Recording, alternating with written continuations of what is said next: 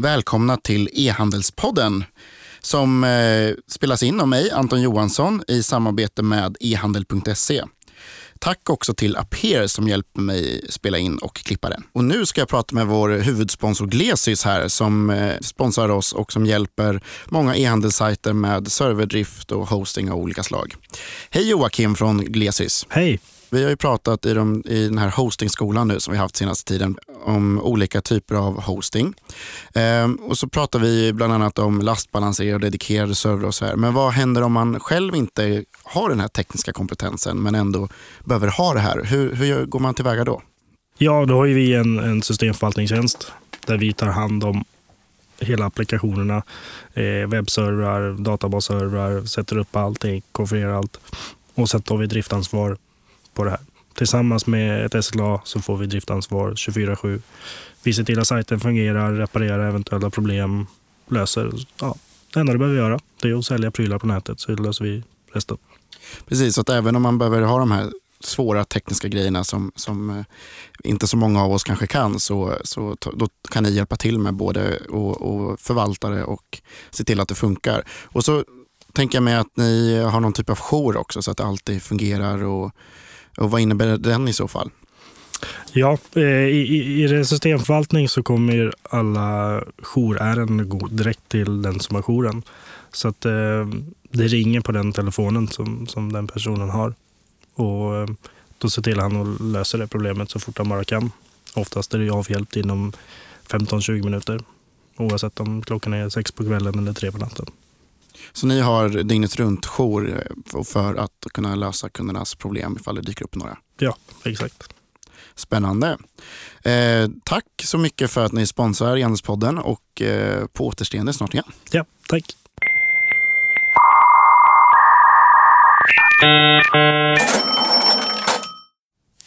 Hej och välkommen Erik Byrenius till E-handelspodden. Tack så mycket Anton.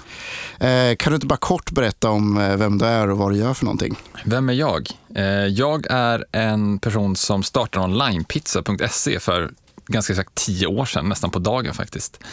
Och sålde det för tre år sedan.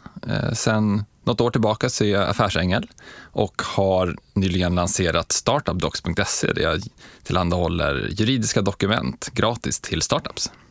Vilken eh, koncis eh, pitch där tyckte jag. Ja, men den satt ganska fint. Ja, kan du, eh, vi kanske ska börja i den änden då. För att, eh, du har faktiskt lanserat Startup Docs idag när vi spelar in det här. Eh, och kan du inte berätta vad, vad, varför du startade den här sajten eller tjänsten? Ja, absolut. Det hänger lite grann ihop med min bakgrund då på onlinepizza som affärsängel. Det var egentligen så att när jag hade sålt onlinepizza och precis hade kommit igång med att vara affärsängel så var min första tanke när jag skulle göra min första investering. Okej, okay, men vad är, vad är normala villkor i en såddfinansieringsrunda i Sverige? Och började fråga runt bland lite entreprenörer och även andra investerare för att försöka komma fram till vad är normalt? Och insåg att det är ingen som kan svara på det. Det är ingen som vet vad som är normala villkor i Sverige. Och det insåg jag att det funkar ju så att investerare sitter med sina investeringsdokumentsmallar och entreprenörerna får någonting från sin jurist eller från någon kompis som har haft några dokument en gång i tiden. Så börjar man förhandla i två stycken extrempunkter. En version som är väldigt investerarvänlig och en version som är väldigt entreprenörsvänlig. Så lägger man massa tid och pengar för den delen, juristpengar, på att försöka förhandla sig till någonting som i slutändan förhoppningsvis blir någonting som är ganska balanserat. Men om man slösat massa tid och pengar och kanske även till viss del förtroende från den andra parten för att att förhandla med, med en part som man sen ska samarbeta med är inte alltid det bästa läget. Nej. Och man är väldigt trött på jurister också efter den processen. Man blir väldigt trött och bankkontot är förmodligen tomt. Ja. Och då, då insåg jag att det är inte bara jag som, som har det här problemet. Det, här, det är ju många entreprenörer och investerare som vill ha tillgång till någonting som är balanserat, som man kan utgå ifrån. Och då bestämde jag mig för att eftersom jag ändå hade tid när jag, när jag precis hade blivit affärsängel så bestämde jag mig helt enkelt för att ja, men då ska jag ta fram standardiserade investeringsdokument för startups. Så det var så som, som idén till Startup Docs kläcktes. Och det är egentligen två bitar du ville uppnå. Det ena var att det var liksom både entreprenörs och investerarvänligt på något sätt. Eh, den här mellanvägen i, i dokumenten. Men det var också, antar jag, att det skulle finnas att det skulle vara billigare. Man skulle inte behöva gå till en jurist varenda gång de här ganska standardiserade dokument ska göras. Eller? Ja, precis, exakt. Så det ena är ju, precis som du säger, det ska, vara, det ska finnas någonting balanserat som både entreprenörer och investerare kan skriva under på. Eh, poängen är egentligen inte att man ska skriva ut dokumenten och, och, skriva på dem exakt som det är, för varje fall är unik. Men åtminstone någonting som man kan utgå ifrån i förhandlingarna. Så man, man utgår från det som finns på Startup Docs och sen förhandlar man sig ifrån det för att anpassa det för det specifika fallet. Så det är det ena. Sen är det klart en fördel om det går att göra gratis eller extremt billigt. Och I det här fallet så blir det helt gratis att ha det här att förhandla ifrån. Sen när man gör vissa ändringar så vill man förmodligen att en jurist ska titta igenom det här. Eh, och då kanske man får lägga lite pengar på det, men det blir betydligt billigare än att ha två jurister på varsin sida förhandlingsbordet som ska slåss mot varandra, för det brukar bli väldigt dyrt. Absolut. Nej, men jag, jag känner verkligen igen behovet och även eh, bara det här att det känns som att alla anlitar jurister för att göra exakt samma sak. på något sätt. Det finns, eh, och, och, så blir det på något sätt deras, eh, juristens preferenser som säger vad som är ett bra avtal och inte egentligen. Ja, helt rätt. Och jag blev faktiskt lite förvånad när jag började prata runt med jurister om den här idén med Startup Docs. För att jag hade förväntat mig att jag skulle få en del tråkiga kommentarer om, som antydde att de kände att jag tog jobb från dem. Eh, men jag blev väldigt positivt överraskad över den responsen som jag fått. För att det verkar som att juristerna, i alla fall de som jobbar mot startups, de har förstått att det värdet som de i huvudsak kan leverera med, med sin kompetens handlar inte om att plocka fram en egen avtalsmall från sin egen databas och sen skriva om den lite grann och så sälja den till entreprenörerna för, för tio arbetstimmar. Utan deras kärnkompetens ligger i saker som ligger kring det här. Det kan vara en del i förhandlingen, det kan vara eh, rådgivning, eh, det kan vara att man senare kanske hamnar i en, en tvist om det här. Eh, man har förmodligen mycket erfarenhet från liknande case, man kan bidra med det istället för att bara sälja ett dokument. Mm. Och det verkar som att många eh, startup-jurister har förstått det här. Jag tror, att, jag tror att de flesta branscher börjar inse att man kan inte ta betalt för administration utan man måste ta betalt för för faktiskt det riktiga värdet. Och det är väl lite, det är väl det juristen också förhoppningsvis har förstått. Det är väl en av de saker som är så fantastiskt med den, den digitala revolutionen. Det blir så otroligt mycket billigare och enklare att skapa den här typen av saker som jag nu har skapat med, med startup. Också. Att det går väldigt enkelt att tillhandahålla saker som är, som är standard. Eh, vilket gör att de som jobbar med att bara producera standardsaker, de kan ställa om sin tid till att leverera ett, ett större värde, vilket är bra för hela ekosystemet. Exakt, inte, inte, inte, fabrik, eh, möjlig, inte sitta som i en fabrik och göra samma sak utan faktiskt vara lite kreativ och innovativ. Det är ju klassiska grejen. Ja. Eh, men hur, eh, vad är det då man kan hitta för typ av, av eh, avtal då, eller dokument på startupdocs.se? Man kan väl säga att nu initialt med, med releasen så finns det två delar av det. Dels är det de här investeringsdokumenten och med det så menar jag ett term sheet som sammanfattar huvudvillkoren i, i investeringsrundan och sen då ett aktieägaravtal och ett investeringsavtal som hänger ihop med det här term sheetet. Så det är egentligen alla dokument man behöver för att kunna genomföra sin finansieringsrunda. Det andra spåret kommer egentligen av att jag var runt och pratade med framförallt entreprenörer om vad de tyckte var rimliga villkor i en, i en finansieringsrunda. Och det var många entreprenörer som sa att ja, det här är ju fantastiskt. Men du, när ni ändå har det på tråden, har du koll på hur det funkar med optioner? Ja, nej, jag hade ingen aning om det. Jag hade liksom aldrig stött på det riktigt. Men jag blev väldigt nyfiken för att jag insåg att det här är någonting som de flesta bolag borde använda när de rekryterar nyckelpersoner om inte annat. Att kunna ge ut optioner till dem istället för att betala en, en hög fast månadslön. Så jag började grotta lite i det och insåg att här finns det ju massa fördomar om hur det faktiskt fungerar. Det finns två läger kan man säga. Ett läger som antar att det är busenkelt och så kopierar de någonting som en kompis har gjort och så lägger de ut det på, till sina egna anställda. Och så finns det den andra extremen som eh, har fått höra att det är otroligt krångligt och dyrt att ge ut optioner till anställda i Sverige och man försöker inte ens.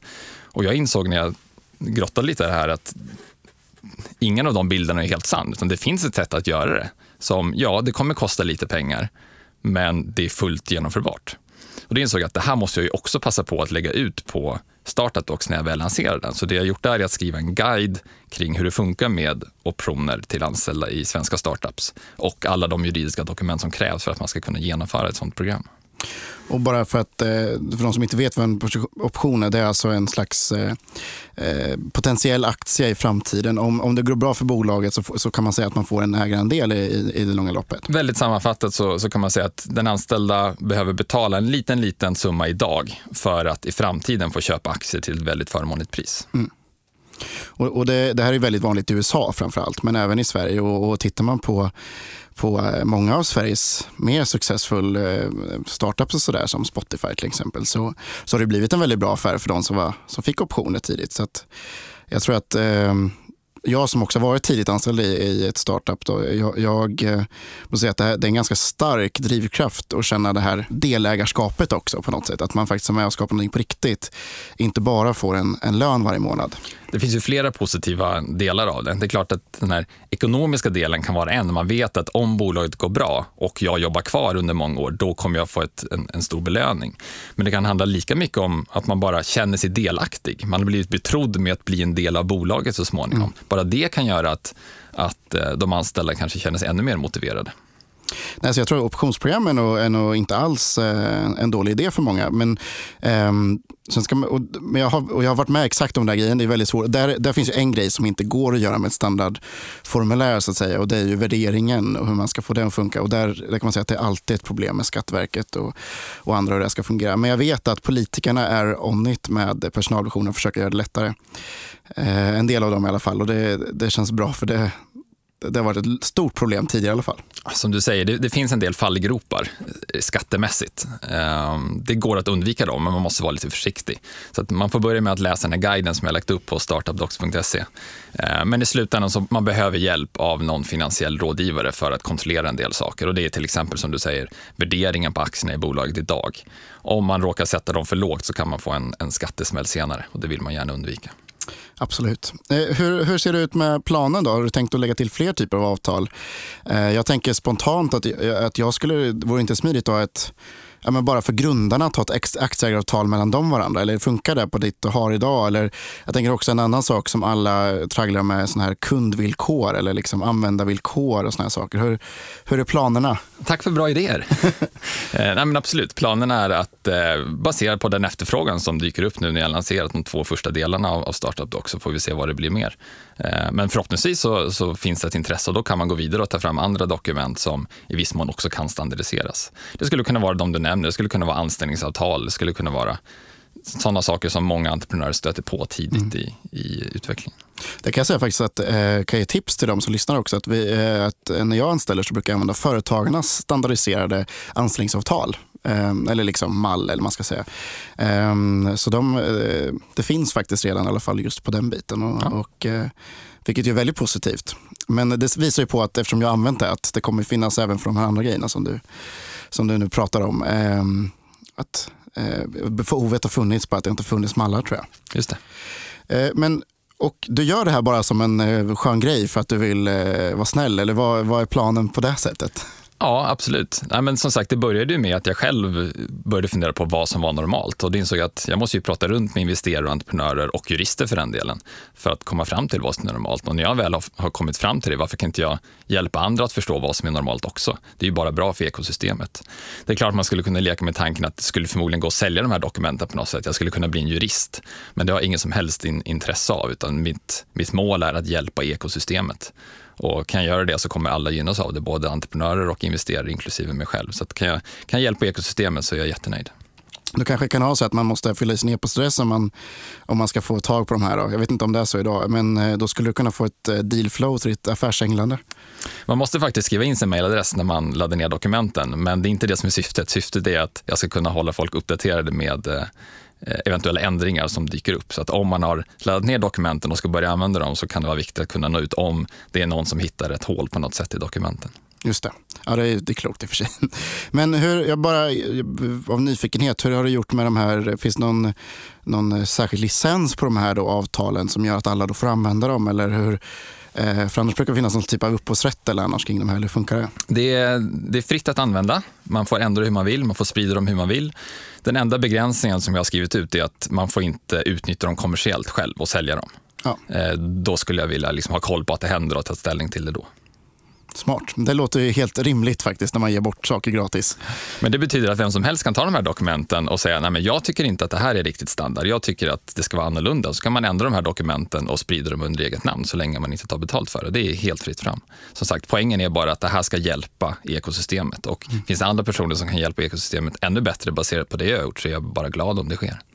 Så eh, ett bra tips är helt enkelt att ta de här dokumenten och sen gå till sin jurist och säga eh, modifiera de här enligt mina önskemål istället. Då.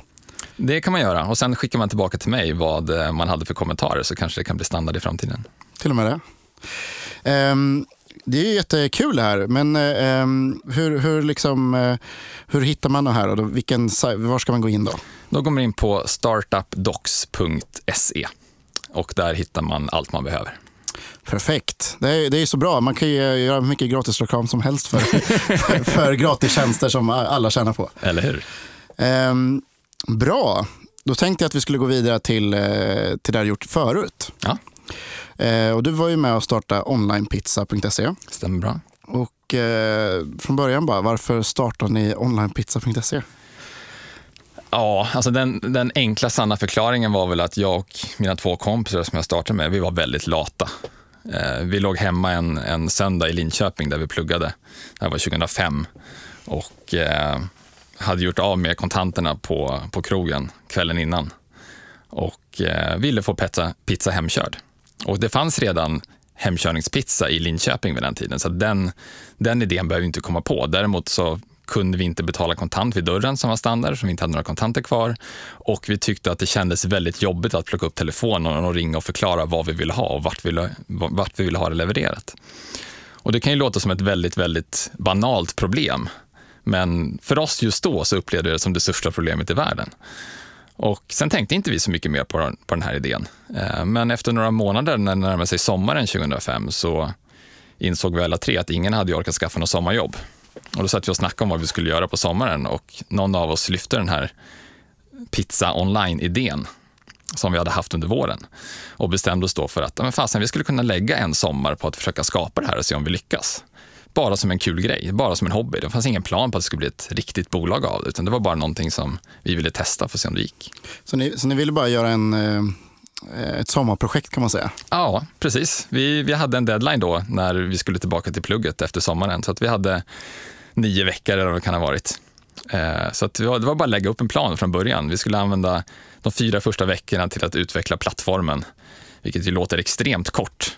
Och då ska man dessutom komma ihåg att ingen av oss hade byggt någon riktig plattform tidigare, så att vi var tvungna att lära oss POP och MySQL som vi inte hade någon bra koll på. Men ni gick en teknisk utbildning eller? Vi gick olika utbildningar. Så jag pluggade teknisk fysik och elektroteknik. Det är en väldigt teknisk utbildning. Det är en teknisk utbildning får men. Det här, men det här var då efter två år i plugget och vi hade fortfarande inte börjat med programmering. Så att ja, teknik fanns där, men det fanns ingenting som var i närheten av programmering eller webb på något sätt. Utan det var fortfarande bara matte och fysik och det hade jag inte så stor nytta av tyvärr när jag skulle sälja pizza på nätet. Eh, mina två medgrundare pluggade andra tekniska utbildningar också, men det var ingen som riktigt hade liksom kunnat nörda ner sig i webbteknik på något sätt. Nej, men det fanns ändå någon, någon, något tekniskt intresse där i alla fall. Så det gjorde det. Ni tyckte det var lite kul att lära er POP också så att säga. Precis, det var ju en stor del av det hela, att vi ville lära oss hur det funkade att skapa en webbsida och starta ett företag. Mm. Ja, man ska inte underskatta att, eh, Eh, det märker jag om man tittar på min historia med, att ofta är det här lärande grejen som egentligen är en stor drivkraft i det. Eh, varför man väljer att göra grejer. När man tittar på, tillbaka på var, var, varför hoppar jag på den där grejen för? Säger man då, ja det var för att jag ville, ville lära mig det där. Så absolut, så var det för oss många gånger under resan att vi, vi fattade beslut som var baserat på vad vi tyckte verkade mest spännande för oss personligen. Och så har det fortsatt även för mig efter onlinepizza. Att jag blev affärsängel var nog helt och hållet baserat på att jag tyckte att det verkade väldigt spännande att få lära känna många olika bolag i olika branscher och olika affärsmodeller. Mm. Och eh, ehm, så då kom ni på den här, det, det är ganska obviously, det känns som så här typiska tre killar kommer på en fylleidé på, på söndagen eh, idé så att säga. Sådana här idéer som alla eh, går runt och säger, bara ta inte första bästa fylleidé utan försök hitta ett riktigt problem. Precis, men det här var ju inte en fylleidé, det här var en bakfylleidé. Ja, bakfylleidé, då blir det mycket bättre då. ja, eh, nej, men så då byggde ni där den där sommaren då. Kom ni ut med någon eh, tjänst då direkt eller hur, hur såg eh, hur ja, men vår, vår, vår, plan höll ganska bra, så att efter ungefär en månad efter tentorna i juni, då var vi klara med, ja, som vi tyckte, klara med webbplattformen. Det var ju extremt simpel, vad man idag kallar för en MVP, men som på den tiden, det begreppet används inte på den tiden. Eh, sen ägnade vi en månad åt att cykla runt till alla snabbmatsrestauranger i Linköping och knacka dörr och försöka förklara för dem vad vi höll på med. Vilket var väldigt svårt. Men eh, vi fick in en eller två restauranger ganska tidigt så att vi kände i alla fall att vi hade tillräckligt för att kunna lansera tjänsten.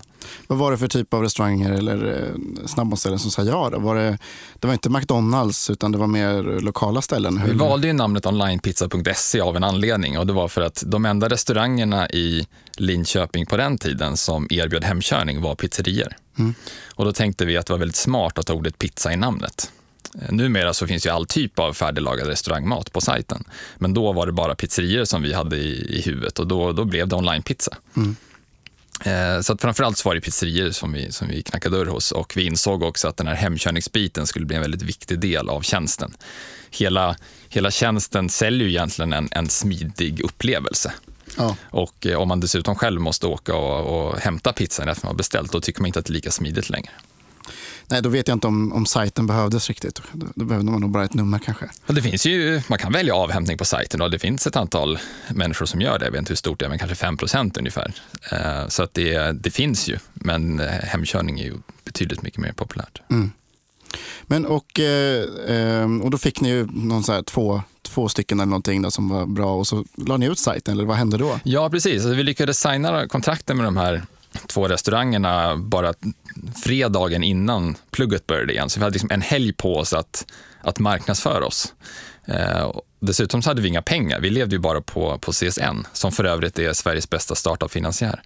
Så vi hade CSN-medel som vi kunde stoppa in, men vi var tvungna att leva också. Så att vi, vi kunde stoppa in några hundra kronor i marknadsföring. Och då är frågan, okej, okay, men om man har då en ny webbtjänst som man ska lansera om man har 800 kronor i marknadsföringsbudget, vad gör man då? Jo, då skriver man ut en väldig massa flygblad och så sitter man och klipper dem. Och, skrivit och, hel, och helst på universitetets på, eh, skrivare också? Det var på universitetets skrivare, absolut. Vi hade en hel del krediter där från kurser på våren som vi inte hade använt, som vi kunde använda dem och sen kunde vi ha lite mer budget för att skriva ut några fler. Eh, men svartvitt fick det bli såklart för att spara pengar. Och sen la vi helgen på att springa runt i studentområdena i Linköping och dela ut med flygbladen i alla brevlådor vi kunde hitta. Och sen gick vi hem och sov och gick upp till måndagen när plugget började och höll tummarna för att någon skulle beställa någonting. Eh, det gick väldigt trögt i början. Det kom inga beställningar alls. Vi tänkte, liksom, funka sajten? Men så efter någon dag så var det någon av våra kompisar som hade beställt. Jag tänkte, shit, kul, det funkar. Eh, Jag kommer speciellt ihåg efter en vecka ungefär så kom den första beställningen från en person som ingen av oss visste vem det var. Och det var, en, det var verkligen en fantastisk upplevelse. Det är definitivt en av topp tre upplevelser under hela eh, resan. Det var att se någon person dra nytta av vår tjänst utan att vi hade tvingat den personen att beställa. Mm. Det, det, var fantastiskt. Eh, och då gick det upp någon, någon eh, idé där om att det, det, här är inte bara vi som vill ha det här, utan det, uppenbarligen finns det fler människor som, som tänker likadant som vi. Mm. Sen gjorde inte vi så mycket mer under, under höstterminen utan vi, vi lät den där sajten ligga uppe och fick väl in någon mer restaurang kanske som vi lyckades sälja in någon helg sådär. Eh, men i princip så lät vi det vara, men beställningarna växte. Det kom fler och fler beställningar. Eh, massa personer som inte hade aning om vilka det var. Och då liksom, det triggar oss ännu mer att... Men hur växte det då? Var det liksom, gick ni från så tre per vecka till tio? Eller hur, efter ett halvår, hur många tror du det var på en Bra fråga. Eh, jag minns inte riktigt, det var för länge sedan. Men, ja, men säg så att det var ingen superrush, det var ju fortfarande bara bland studenterna i Linköping. Men säg att vi efter ett halvår runt eh, jul någon gång där hade kanske oh, vad kan vi ha haft, 50 beställningar i veckan kanske. Något sånt där. Det är ändå det helt okej. Okay. Det var ju tillräckligt för att vi skulle liksom inse att det funkar. Men det var ju absolut ingenting som man kunde liksom dryga ut studiemedlet med ännu. Dessutom var det gratis för alla restauranger så det var ännu svårare att ja, så Det var verkligen ingenting dryga ut. Så ni tog ingen betalt, ni egentligen bara generera försäljning? Från början tog vi inget betalt alls och det var egentligen bara för att vi ville testa om det här funkade. Det var ju det som var vårt huvudsyfte. Eh, vi hade satt upp en plan redan från början att om det här går riktigt bra så kommer vi kunna kanske dubbla studiemedlet varje månad. Det var liksom vårt långsiktiga mm. finansiella mål med det här, om det skulle gå bra. Ehm, men eh, som sagt, det, det växte till sig och eh, vi insåg någonstans att det vore jäkligt kul att spendera en till sommar med det här. Mm. Så att inför sommaren 2006 så bestämde vi oss för att försöka ta det här till fler städer. Eh, så vi satte oss i, i, bilen och åkte runt och knackade dörr i andra städer för att försöka få in fler restauranger. Vi försökte välja städer som var ganska snarlika Linköping som Lund, och Örebro och Karlstad, eh, som också var studentstäder. Men vi fick inte napp hos restaurangerna. Jag tror vi fick in en eller kanske två restauranger på hela sommaren. Och det skulle ju kunna knäcka de flesta, liksom, och även oss. Eh, så vi insåg att äh, men det här det funkar ju tydligen bara i Linköping. Det måste vara för att då var det helt gratis och när vi hade börjat sälja in det i de andra städerna så försökte vi ta lite betalt. Vi tänkte, ah, ja men det, det var väl bara en kul grej då. Eh, eller så var det så att de i, i Linköping sa ja bara för att det var ett lokalt studentprojekt eller något sånt där. Så vi, vi var väl väldigt nära att ge upp samtidigt som vi... Eh, det var lite för roligt. Dessutom hade vi ingenting att förlora på att fortsätta. Vi hade ju plugget, vi hade CSN, eh, vi hade ju lite tid som vi ändå skulle göra någonting av på kvällar och helger. Och det ökade fortfarande i Linköping då? Eller hur? Fortsatte öka i Linköping, precis. Fick ni fler och fler restauranger då samtidigt också? Eller? Ja, precis. Att efter sommaren 2006 när, när 0P var, var på gång så fick vi några samtal från restauranger som själva ringde och sa att men jag skulle vilja vara med i år. För att restaurangerna tänkte ju väldigt mycket i termer av terminer. Mm. Eh, 0P var den stora perioden när, man skulle, när restaurangerna skulle marknadsföra sig mot studenterna och då ville man passa på att vara med på onlinepizza. Dessutom blev det så att det var många, många faddrar på universitetet som tipsade sina nyblivna studenter om att ja, men om du ska beställa pizza, då gör du det på onlinepizza. Så att vi blev på något sätt väldigt snabbt en, en standard för hur man beställer pizza. Sen spreds det där från, från årskurs till årskurs på universitetet, vilket var, var väldigt viktigt för oss. Tror jag. Mm. Men, vad, men vad, eh, hade ni fortsatt att dela ut flygblad då eller, eller växer ni bara genom, genom att pra, folk pratar med varandra? Nej. Det här första året då, om man tittar på det var framförallt word of mouth. Det var det. Eh, vi hade inga speciella marknadsföringskanaler som, som vi utnyttjade.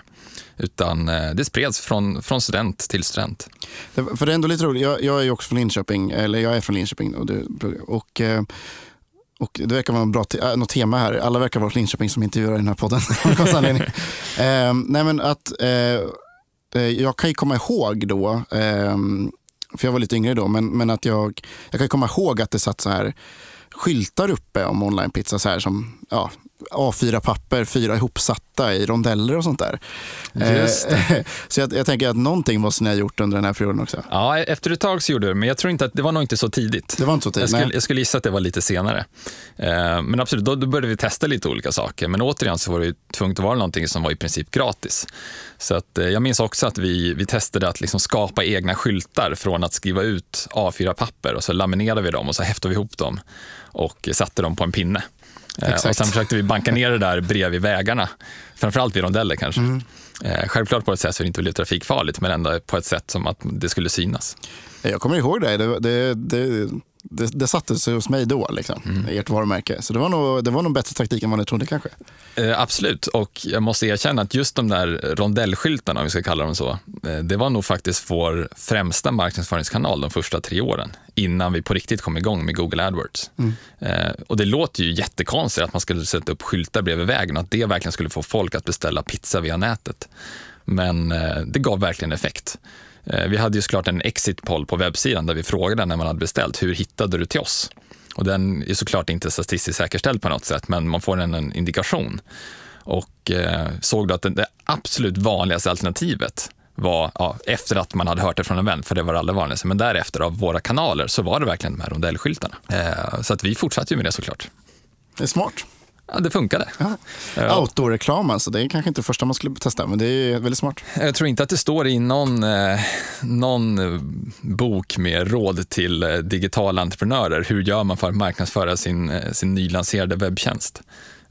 Men jag tror att en stor del av, av nyckeln till att vår tjänst blev så, så framgångsrik till slut var nog att vi, vi gick inte så mycket på alla råd vi fick och vad man kunde läsa sig utan vi, vi testade oss fram och det som verkade funka bra, det gjorde vi mer av. Mm. Och det är egentligen så jag tycker att man borde bedriva bolag. Absolut. Ja, men, och jag kan känna så här, nu i efterhand så, så konstigt. Jag, jag var i London för några veckor sedan och så där, och är man nere i Londons tunnelbana, det är väldigt mycket take away online, eh, liksom, eller eh, beställa mat hem eh, reklam i tunnelbanan. Då, så och det är en annan typ av outdoor-reklam kan man säga. Och jag tror det finns en anledning till det säkert, att eh, det kanske funkar just för den typen av produkter. Jag tror att det finns vissa typer av produkter där det funkar väldigt bra, men jag, jag tror också att anledningen till att det är inte så många som vågar testa det för att man som, som digital entreprenör kanske, man är väldigt van vid att allting går att mäta. Eh, om man använder Google AdWords eller liknande så kan du ju spåra vartenda klick och varenda besökare och se exakt hur den har betett sig på sajten och vilka som har beställt och vilka sökord som var bäst. Man är van att ha data på allt. Men så fort du går offline så blir det väldigt mycket svårare.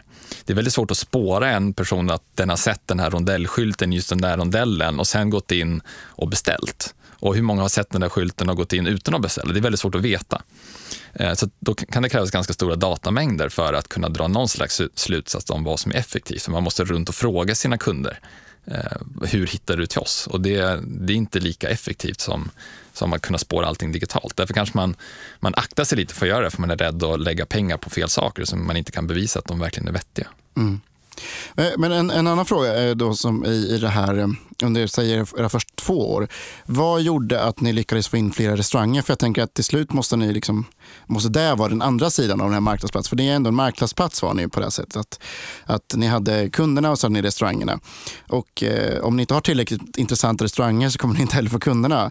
Så hur löste ni så här restaurangdelen? Hur lyckades ni sälja in till dem? Ja, det är en jättebra fråga. Det, det finns flera svar på den. Jag ska försöka eh, redogöra för alla varianter av det. Dels så var det då i Linköping där vi hade börjat och där fick vi in några restauranger från början för att vi gav det till dem helt gratis och vi sålde in det lite grann som att det var ett lokalt spännande studentprojekt som de gärna kunde stötta. Så det var lite mer så att de var lite mer filantropiska än att de egentligen trodde att de skulle få fler beställningar på det. Men när vi väl hade fått, fått igång dem och de började få beställningar, då spreds det bland restaurangerna i Linköping på det sättet. Men sen är det klart att vi mötte samma problem varje gång vi kom till en ny stad. Det fanns ingen som visste vem vi var. Vi kunde inte lova dem att de skulle få ett visst antal beställningar, utan vi var tvungna att få några restauranger att testa. Och det vi gjorde då, det var att se till att, att eh, man måste börja med ena sidan av marknadsplatsen. Vi insåg att det kommer vara helt omöjligt att få in massa kunder som, som beställer mat om det inte finns några restauranger att beställa från. Det kommer vara helt omöjligt. Men i teorin så skulle det kunna gå att få in restauranger utan att det ännu finns kunder. Så det vi gjorde var att se till att restaurangerna inte tog någon som helst risk. Det skulle inte kosta någonting för dem att bli medlemmar. Eh, och de skulle bara betala om de verkligen fick beställningar. Och då kunde vi liksom bygga upp den delen av marknadsplatsen. Så vi kom med ett erbjudande i alla nya städer. Vi sa det är ingen startavgift, du betalar inga månadsavgifter, du betalar bara per beställning. Och vi hjälper dig att fixa allt som du behöver för att komma igång. Och då fanns det liksom inte riktigt en anledning för restaurangerna att säga nej, utan de kunde säga okej, okay, jag kan väl testa då. För de behövde inte investera vare sig pengar eller tid. Mm. Eh, och då kunde vi få in några restauranger och det räckte med att vi fick in två eller kanske tre restauranger i en stad för att det skulle lossna. Så kunde vi få in fler restauranger för att om den värsta konkurrenten var med, då ville man ju själv också vara med, speciellt om det var riskfritt. Sen när vi väl hade byggt upp då fyra, fem restauranger kanske som vi trodde var ganska viktiga i staden, ja, då kunde vi börja trycka på med lite marknadsföring mot konsumenterna och se till att vi började få in beställningar där. Mm. Och med tiden kunde vi ta in fler restauranger. Men man fick inte ta in för många restauranger från början, för då räckte inte beställningarna initialt finansiering till, att, till alla de restauranger och då skulle alla bli missnöjda istället. Så man fick balansera lite grann. Klassisk marknadsplatslogik där ja. man måste bygga upp det med båda sidor. Eh, jag vet, jag pratade med några Eh, som har jobbat på Avito i Ryssland, som är det ryska blocket. Och då, man, gör, man gör en jättepush för att få in grejer, så gör man en jättepush för att få folk att köpa dem. Och så gör man, eh, och så, gör man så hela tiden. Så tar några fler nästa gång och så några fler. Eh, så man, man, liksom, man bygger ja, så här, i, i någon slags trappa där hela tiden. Liksom. Men, men eh, det är väldigt intressant. Men jag tänker ändå det finns ändå ett, det finns två grejer i det här, tänker jag, rent praktiska saker. Dels tänker jag mig att det fanns en utmaning i att restauranger normalt inte tog emot beställningar på det här sättet. Så, alltså, fick de typ ett mejl eller hur gjorde de? Det här, det här är en, en stor del av vår resa. Eh, det var så att när vi som jag nämnde så försökte vi sälja till fler städer då och misslyckades fullständigt. Och vi började då grubbla på vad, vad är anledningen till att vi fick nej?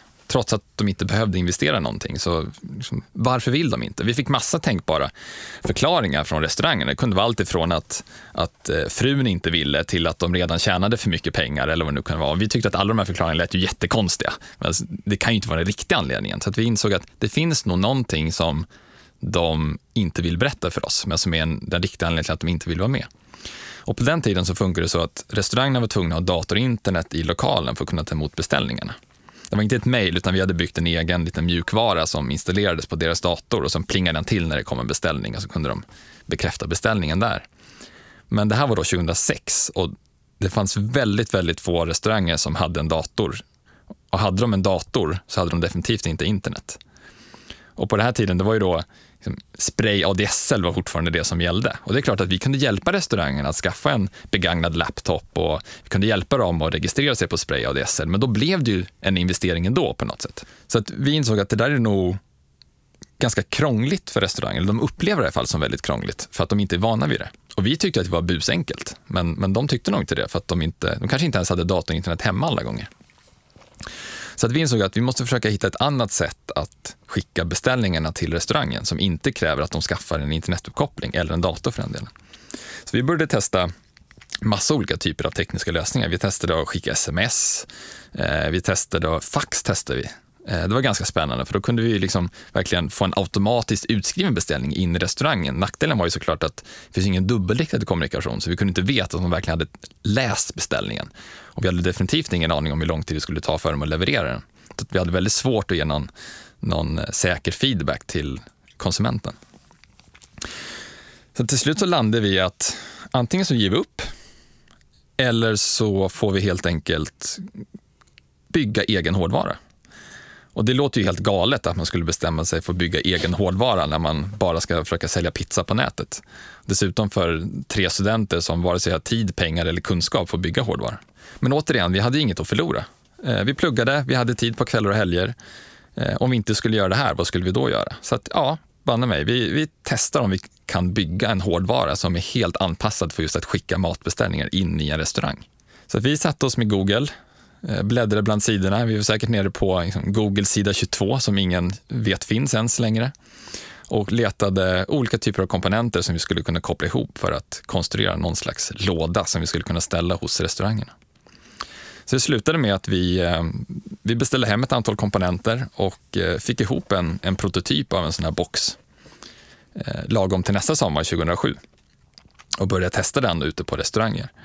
Och då tyckte de att det här var ju, det var ju helt fantastiskt. Det var ju, som, det var ju framtiden, det var ju science fiction. Det var egentligen bara en, en box som från, från restaurangens perspektiv så var det bara en box med en skrivare och en elsladd. Så det var ju nästan som att de skulle få en kvittoskrivare och skulle de stoppa in elsladden i väggen och så helt plötsligt skulle det komma beställningar på den där skrivaren. Det var ju magi. Och det funkade i grunden så att det var ett GPRS-modem i den här mm. boxen med ett simkort som vi fixade och stoppade in där så att den kunde kommunicera med våra servrar via mobilnätet. Så hade vi kopplat på en, en inbyggd kvittoskrivare. Eh, det fanns en högtalare som kunde pipa och säga till att det hade kommit en beställning. Eh, och så fanns det några knappar som restaurangen kunde använda för att bekräfta beställningen och ange uppskattad leveranstid. Så hela den här processen från att man på, som användare på webbsidan klickar på skicka beställning till dess att restaurangen har sett beställningen, bekräftat den och leveranstiden har skickas tillbaka till webbsidan och, och visas för användaren. Hela den processen tar kanske 20-25 sekunder, så det var extremt eh, eh, effektivt för att göra just den här uppgiften, men det kunde absolut inte göra någonting annat. Men då när vi fick ut den här eh, boxen på marknaden och restaurangerna började säga att det här var jättehäftigt, då insåg vi att oj, men nu kanske vi, vi kanske har löst problemet. Så vi började tillverka några fler boxar. Och med tillverka så menar jag sitta hemma i mitt vardagsrum i studentlägenheten och löda. Eh, jag, mina två medgrundare och alla grannar som kunde kom och hjälpte till så vi kunde bygga fler sådana här boxar. Och det blev till och med så bra att restauranger började ringa oss och sa att jag vill också ha en sån där box som spottar beställningar. För det hade de hört från sin kompis eller granne eller kusin eller vem det nu kan ha varit som hade en, en online-pizzabox. Så att från att ha liksom varit en, från restaurangens perspektiv, en komplicerad internettjänst som de tyckte lät kanske lite fuffens, så gick vi till att vara en leverantör av en låda som om man stoppar in den elsladden i väggen så tjänar man mer pengar för man fick fler beställningar. Och vi tog bara betalt för varje beställning som vi skickade. Mm. Så återigen, det fanns ingen risk för restaurangen att gå med. Och då växte vi så det knakade. Då, då gick det så fort att vi själva inte riktigt ens liksom ta hand om alla restauranger som ville vara med. För vi var tvungna att lägga in deras meny i systemet och vi pluggade fortfarande heltid allihopa, så vi hade inte så jättemycket tid. Men vad innebar det, eh, växte så knaka? Kan du bara ge exempel på? Hur många kan ni ha haft innan det här och hur många snabbt gick det till ni?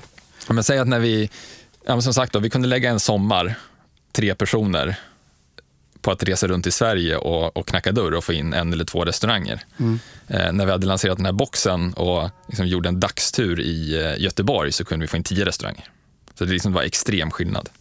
Sen tog det såklart lite tid innan de då var uppe i systemet och folk verkligen kunde beställa från dem. Och ni hade lite klart liksom? Och vi hade lite klart, exakt.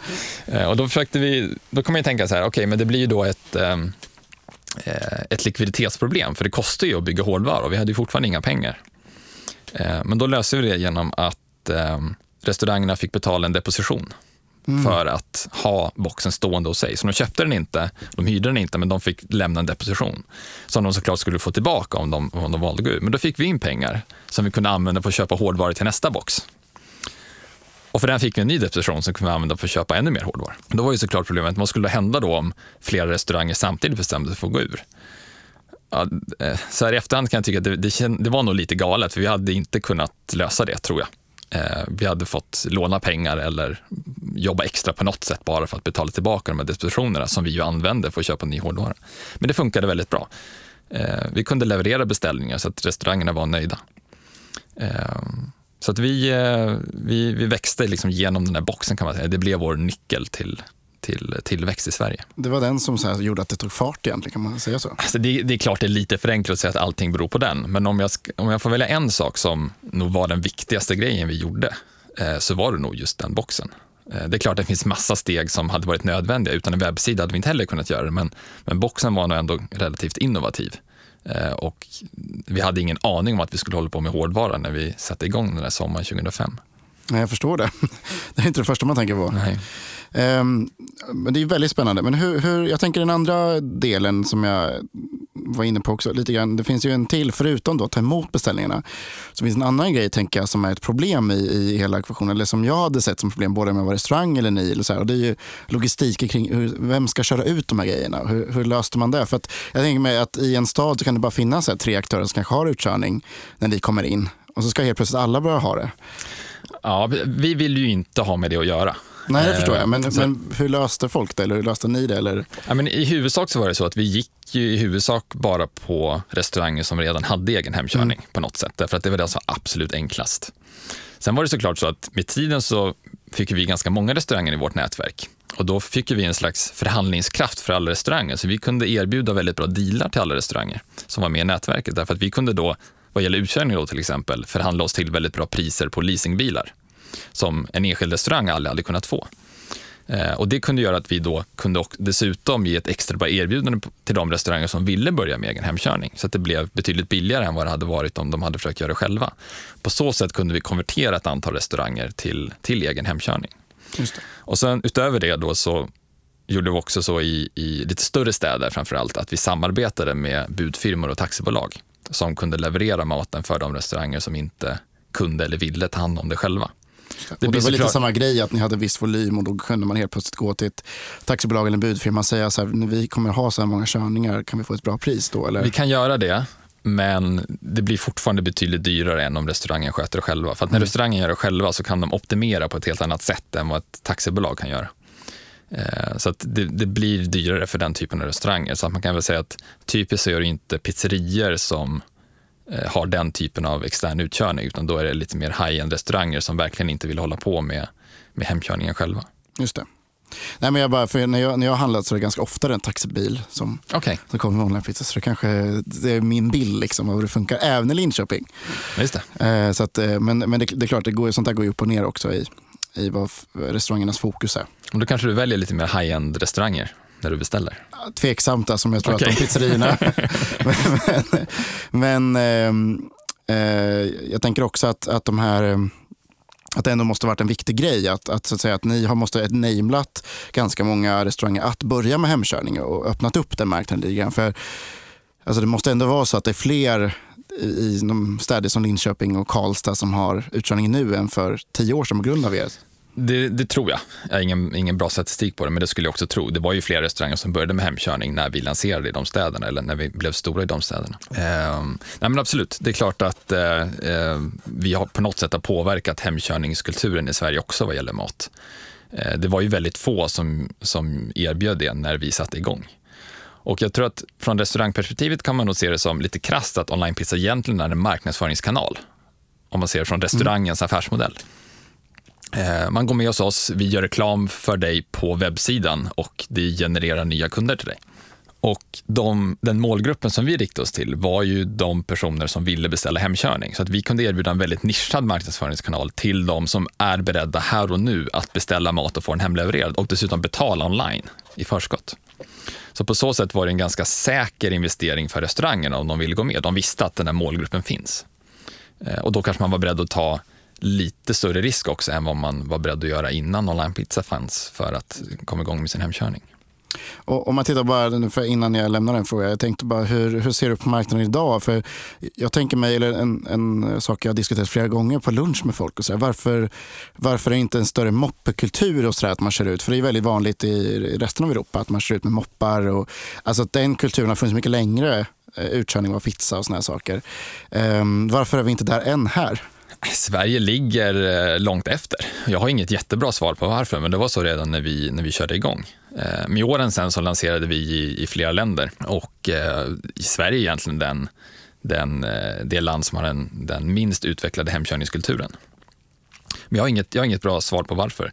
En idé som jag har lekt med är väl att det är möjligt att svenska städer är lite mer utspridda än, än i vissa andra länder. Stockholm är ett undantag då kanske, men det är, som, är, som är ganska kompakt innanför tullarna. Men i övrigt så är vi ganska utspridda och då kanske inte moppe är optimalt. Dessutom har vi lite ruggigt väder så, där, så man kanske hellre sätter sig i en bil än på en moppe. Det kanske är så. eh, hur, eh, hur gjorde ni sen då? Kom ni, när började ni jobba heltid med det och när blev det på något sätt ett riktig business för er och ett fokus för er? När vi lanserade den här boxen, det var ju då vi insåg att det här skulle nog kunna bli ett riktigt bolag. Eh, vi skulle nog kunna jobba heltid med det här. Så då försökte vi plugga klart så fort vi kunde. Eh, och det tog väl ungefär ett år fram till ja, sommaren 2008 ungefär då när vi var klara med plugget allihop och liksom var beredda att satsa heltid.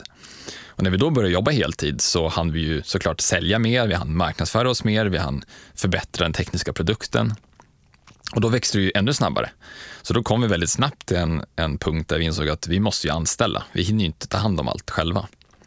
Eh, så då började vi anställa, det var fortfarande i Linköping eh, och vi fick in vår första anställda och insåg direkt när vi hade anställt honom att shit, det här var inte bra. Vi vill ju inte bo i Linköping hela livet. Om vi börjar anställa massa folk här nu så kommer vi aldrig kunna flytta bolaget någon annanstans. Och vi hade dessutom förstått att liksom, de flesta partners vi hade satt i Stockholm och sådär och vi var alla ganska sugna på att bo i Stockholm i framtiden. Så vi tänkte att ah, vi, vi måste flytta till Stockholm. Eh, som tur var så lyckades vi övertala vår enda anställda att flytta med. Eh, så att vi, vi flyttade upp till Stockholm 2009 och eh, tog då med vår, vår enda anställda, men började på allvar rekrytera i Stockholm. Men då, och då hade ni så pass bra ekonomi då från, från intäkter att ni kunde anställa och det fanns liksom en, ja, en ett cashflow ändå? Det hade vuxit till sig så pass bra då att vi, vi kunde anställa några personer. Absolut, det kunde vi göra. Under eh, sista året på universitetet, hade ni då som ett extra CSN-var eller hur? Nådde ni upp till det då? Nej, nej, ingenting gick ju tillbaka till oss. Nej, men det kunde kanske? Va? Eh, I teorin kanske, om vi inte hade satsat någonting på att växa alls, inga säljresor till, till andra delar av Sverige och ingen marknadsföring, så kanske vi hade dragit ihop studiebidraget kanske, eh, men inte studielånet. Så att nej, det, vi hade nog inte riktigt kommit så långt då. Men sen när ni, när ni så att säga började anställa och flyttade till Stockholm, då, då fanns ändå ett cashflow som var lite mer på riktigt? Alltså det, det växte ju så snabbt då när vi väl hade pluggat klart och började jobba heltid. Ehm, fortfarande med, med CSN-medel som får finansiera oss själva. Men då växte det till sig så snabbt så att då kom vi ganska snabbt upp i en volym där vi kunde anställa eh, ett par, tre personer. Och då lärde vi oss också att ta betalt av restaurangerna. För fram till dess var det också så att vi hade subventionerat extremt bara för att vi tyckte att det var så kul att hålla på med det och vi ville att restaurangerna skulle gå med. Men vi, vi insåg att på något sätt måste vi kunna ta betalt också för tjänsten för vi levererar ju verkligen ett, ett reellt värde till restaurangerna. Men var inte det en del av kanske successstoryn också då? Att ni, ni subventionerade så mycket i början så att ni fick upp likviditeten. Alltså tror du inte att det hade varit svårare att ta betalt mer direkt? Jag tror att man hade kunnat ta betalt mer tidigare. Eh, jag tror inte att vi hade kunnat ta startavgifter i början till exempel, men det kunde vi göra ganska snart när vi väl hade liksom börjat bygga ett varumärke i, i vissa städer. Mm. Eh, då kunde vi ta, börja ta betalt i, i, som en startavgift och vi kunde ta högre provision på beställningen också. Jag tror att provisionsavgiften hade nog inte varit så svår att att höja till en vettig nivå ganska tidigt. Därför att de betalar ju fortfarande bara per beställning som vi verkligen levererar och deras marginaler är såklart mycket bättre än den provisionsavgiften som vi la på. Så det var ju fortfarande en, en enkel kalkyl att komma fram till att man tjänade pengar på att gå med i onlinepizza. Men eh, ja, jag vet inte. Jag bara alltså, tänker att det är, lättare att komma igång i, i, en stad till exempel genom att subventionera ner det ganska snabbt och sen höja priserna sen jag, jag tror att nyckeln, nyckeln för att komma igång var nog egentligen inte att ha låga priser överlag utan nyckeln låg i att se till att det inte fanns någon risk mm. för de som skulle gå med. Så jag tror att starta gift, ja, där har du helt rätt. Eh, vad gäller provisionen så tror jag att det var fortfarande riskfritt, även om vi hade haft en högre provision. Så jag tror att det hade gått, men vi var, vi var för fega skulle jag säga. Med facit i hand så hade jag nog gärna utgått från en lite högre provisionsavgift därför att det är alltid jobbigt att kontakta en av dina kunder och säga att man ska höja priserna. Mm. Det är väldigt jobbigt. Ja, det är det. det, det förstår jag. Men hur såg det, affärsmodellen ut då, då, ganska tidigt då när ni började få upp, ta betalt på riktigt? Var det procent eller hur, hur såg er affärsmodell ut? Ja, vi, vi, kom väldigt snabbt in på det spåret att vi skulle ta en procent av värdet som vi levererade. Så att vi, vi hittade på en procentsats, jag kommer inte ihåg vad den var från allra första början. En procent var väl det allra första vi testade förmodligen, men vi insåg att oj, det var ju alldeles för lite. Så testade vi att höja den där gentemot nya restauranger för att se liksom, när börjar restaurangerna säga nej? När tycker de att det inte är värt det längre? För vi var inte helt säkra på exakt hur stor deras marginal var heller. Eh, men vi, vi bestämde oss ganska tidigt för att 10 är nog ganska rimligt. Eh, det, låter, det låter enkelt och det är, liksom, det är definitivt mindre än vad, vad restaurangen har för marginal. Mm. Så vi, vi tog 10% av varje beställning som vi skickade. Krångligare än så var det inte. Inga fasta månadsavgifter på något sätt. Men det la, ni till, la ni till någonting på de här sen då, efter, efterhand? Eller hur? På provisionssatsen? Ja, exakt. Hade någon månadsavgift eller någon grundavgift eller någonting? Eh, startavgifter började vi med när vi hade byggt upp ett varumärke.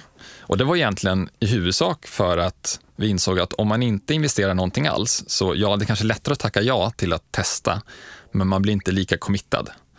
Så att för att vi, vi, vi var ju beroende av att restaurangerna skulle tycka att det här var bra, att de verkligen ville prioritera de kunder som kom in genom onlinepizza så inte de liksom fick en sämre behandling än andra på något sätt. Och hade man betalat, även om det bara var en symbolisk summa för att gå med, så räckte det för att man skulle känna att ah, men nu vill vi göra det bästa av det här, nu har vi ändå betalat för det. Så det var nog egentligen huvudanledningen. Startavgiften i sig gav inga stora pengar på något sätt.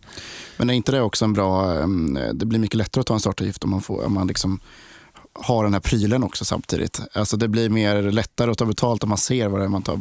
På något sätt att man får, ja, det hamnar någonting på bordet också samtidigt. Ja, det är möjligt. Eh, jag tänkte faktiskt aldrig så, men det finns säkert en, en poäng i att det var så.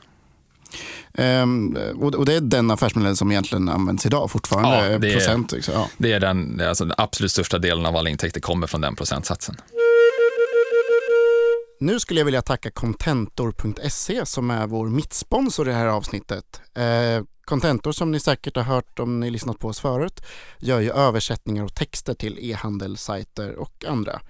Eh, och i dagens tips om, om vad de kan hjälpa dig med eh, i din verksamhet så skulle jag vilja tipsa om att de även kan göra ganska mycket content marketing Eh, personligen har jag bland annat använt dem till och anlita dem till att göra, skriva blogginlägg men även eh, till exempel om du har någon sån här informationsbank och sådana saker så kan du skriva texter dit eh, och som alltid kan de göra det med översättningar till massor av olika språk. Eh, så tack Contentor för att ni stöttar oss. Gå in på contentor.se om ni vill veta mer om dem. Tack!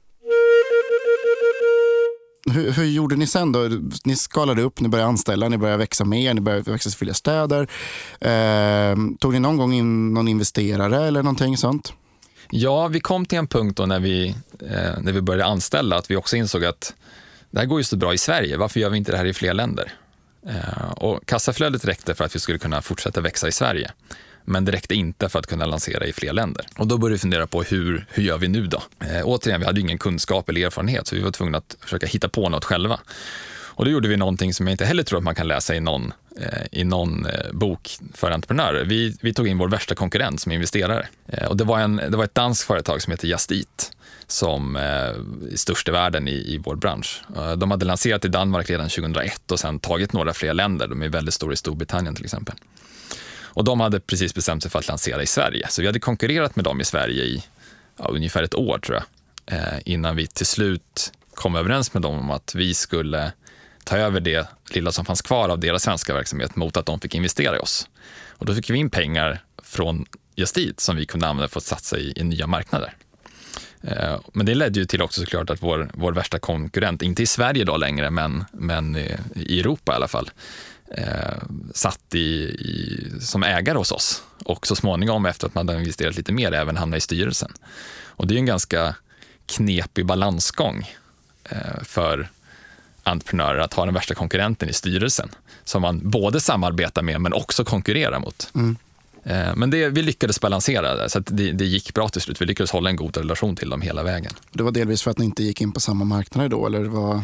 Vi krockade inte på samma marknaden. Det, det, hade säkert blivit knepigare då. Men samtidigt var det så att det fanns ingen anledning att göra det och det fattade vi redan från början därför att det var fortfarande ganska outvecklat med eh, onlinebeställning av färdiglagad mat i Europa och världen för den delen. Så det är klart att vi hade kunnat gå in på någon marknad där de redan fanns, men det blir förmodligen billigare för oss att gå in på en marknad där ingen finns, därför att då kan vi fokusera allt på att växa och inte på att slåss mot, mot konkurrenter. Men då, och då gick, vilka länder gick ni in då i när ni internationaliserade sen? Ja, vi tänkte ju först så här att ja, men det kan man ju räkna ut vilka länder som är bra. Man kollar på några parametrar och sen eh, säger man att då lanserar vi i, i landet X. Så att vi tillsammans med Exportrådet så tog vi fram en lista på några länder som, som hamnade på vår shortlist. Eh, som hade mycket e-handel, det fanns många restauranger med hemkörning och sådär. Och eh, jag kommer inte ihåg exakt vilka länder som hamnade i toppen, men jag vet att Grekland var ett sånt land som hamnade högt upp. Massa hemkörning, man, liksom, den här hemkörningskulturen av mat, den var liksom, man, det var ju så man beställde mat nästan. Så då tänkte vi, bra, då lanserar vi i Grekland. Jaha, sen då? Vad gör man när man bestämt sig för att lansera i Grekland? Ja, vi insåg att vi måste ha någon person i Grekland som driver det på plats. Vi kan inte sköta allting från Sverige. Det är omöjligt att sälja till grekiska restauranger för en svensk person i Stockholm via telefon. Liksom. Det kommer aldrig funka. Och då ställdes man inför nästa utmaning. Okej, okay, men då ska vi försöka rekrytera en country manager i Grekland. Och det var ju jättesvårt. Hur gör man då? Liksom, ringer man grekiska arbetsförmedlingen eller motsvarande och säger hej, vi vill ha en country manager till vårt startup? Nej, förmodligen inte. Så att man måste gå via kontakter på något sätt. Men det var ingen av oss som kände någon grek, så att, nej, då fick vi stryka Grekland från listan. Då. Och då insåg vi, okej, okay, vi måste ju tänka tvärtom. Vi måste ju tänka, vilka personer känner vi? Hur, hur, hur, kan vi hitta personer i några av de här länderna, där personerna verkar riktigt grymma och som är väldigt sugna på att göra det här? Och då, det första landet vi, vi nappade på då, det var Polen. Eh, därför att eh, en av våra delägare kände en, en halvpolack som vi till slut lyckades övertyga om att han skulle flytta till Polen för att starta upp vår verksamhet där. Eh, så då, då, okay, då blev det Polen. Eh, sen hade vi lite olika strategier i olika marknader. Så i Polen blev det så att vi startade helt från scratch med en entreprenör.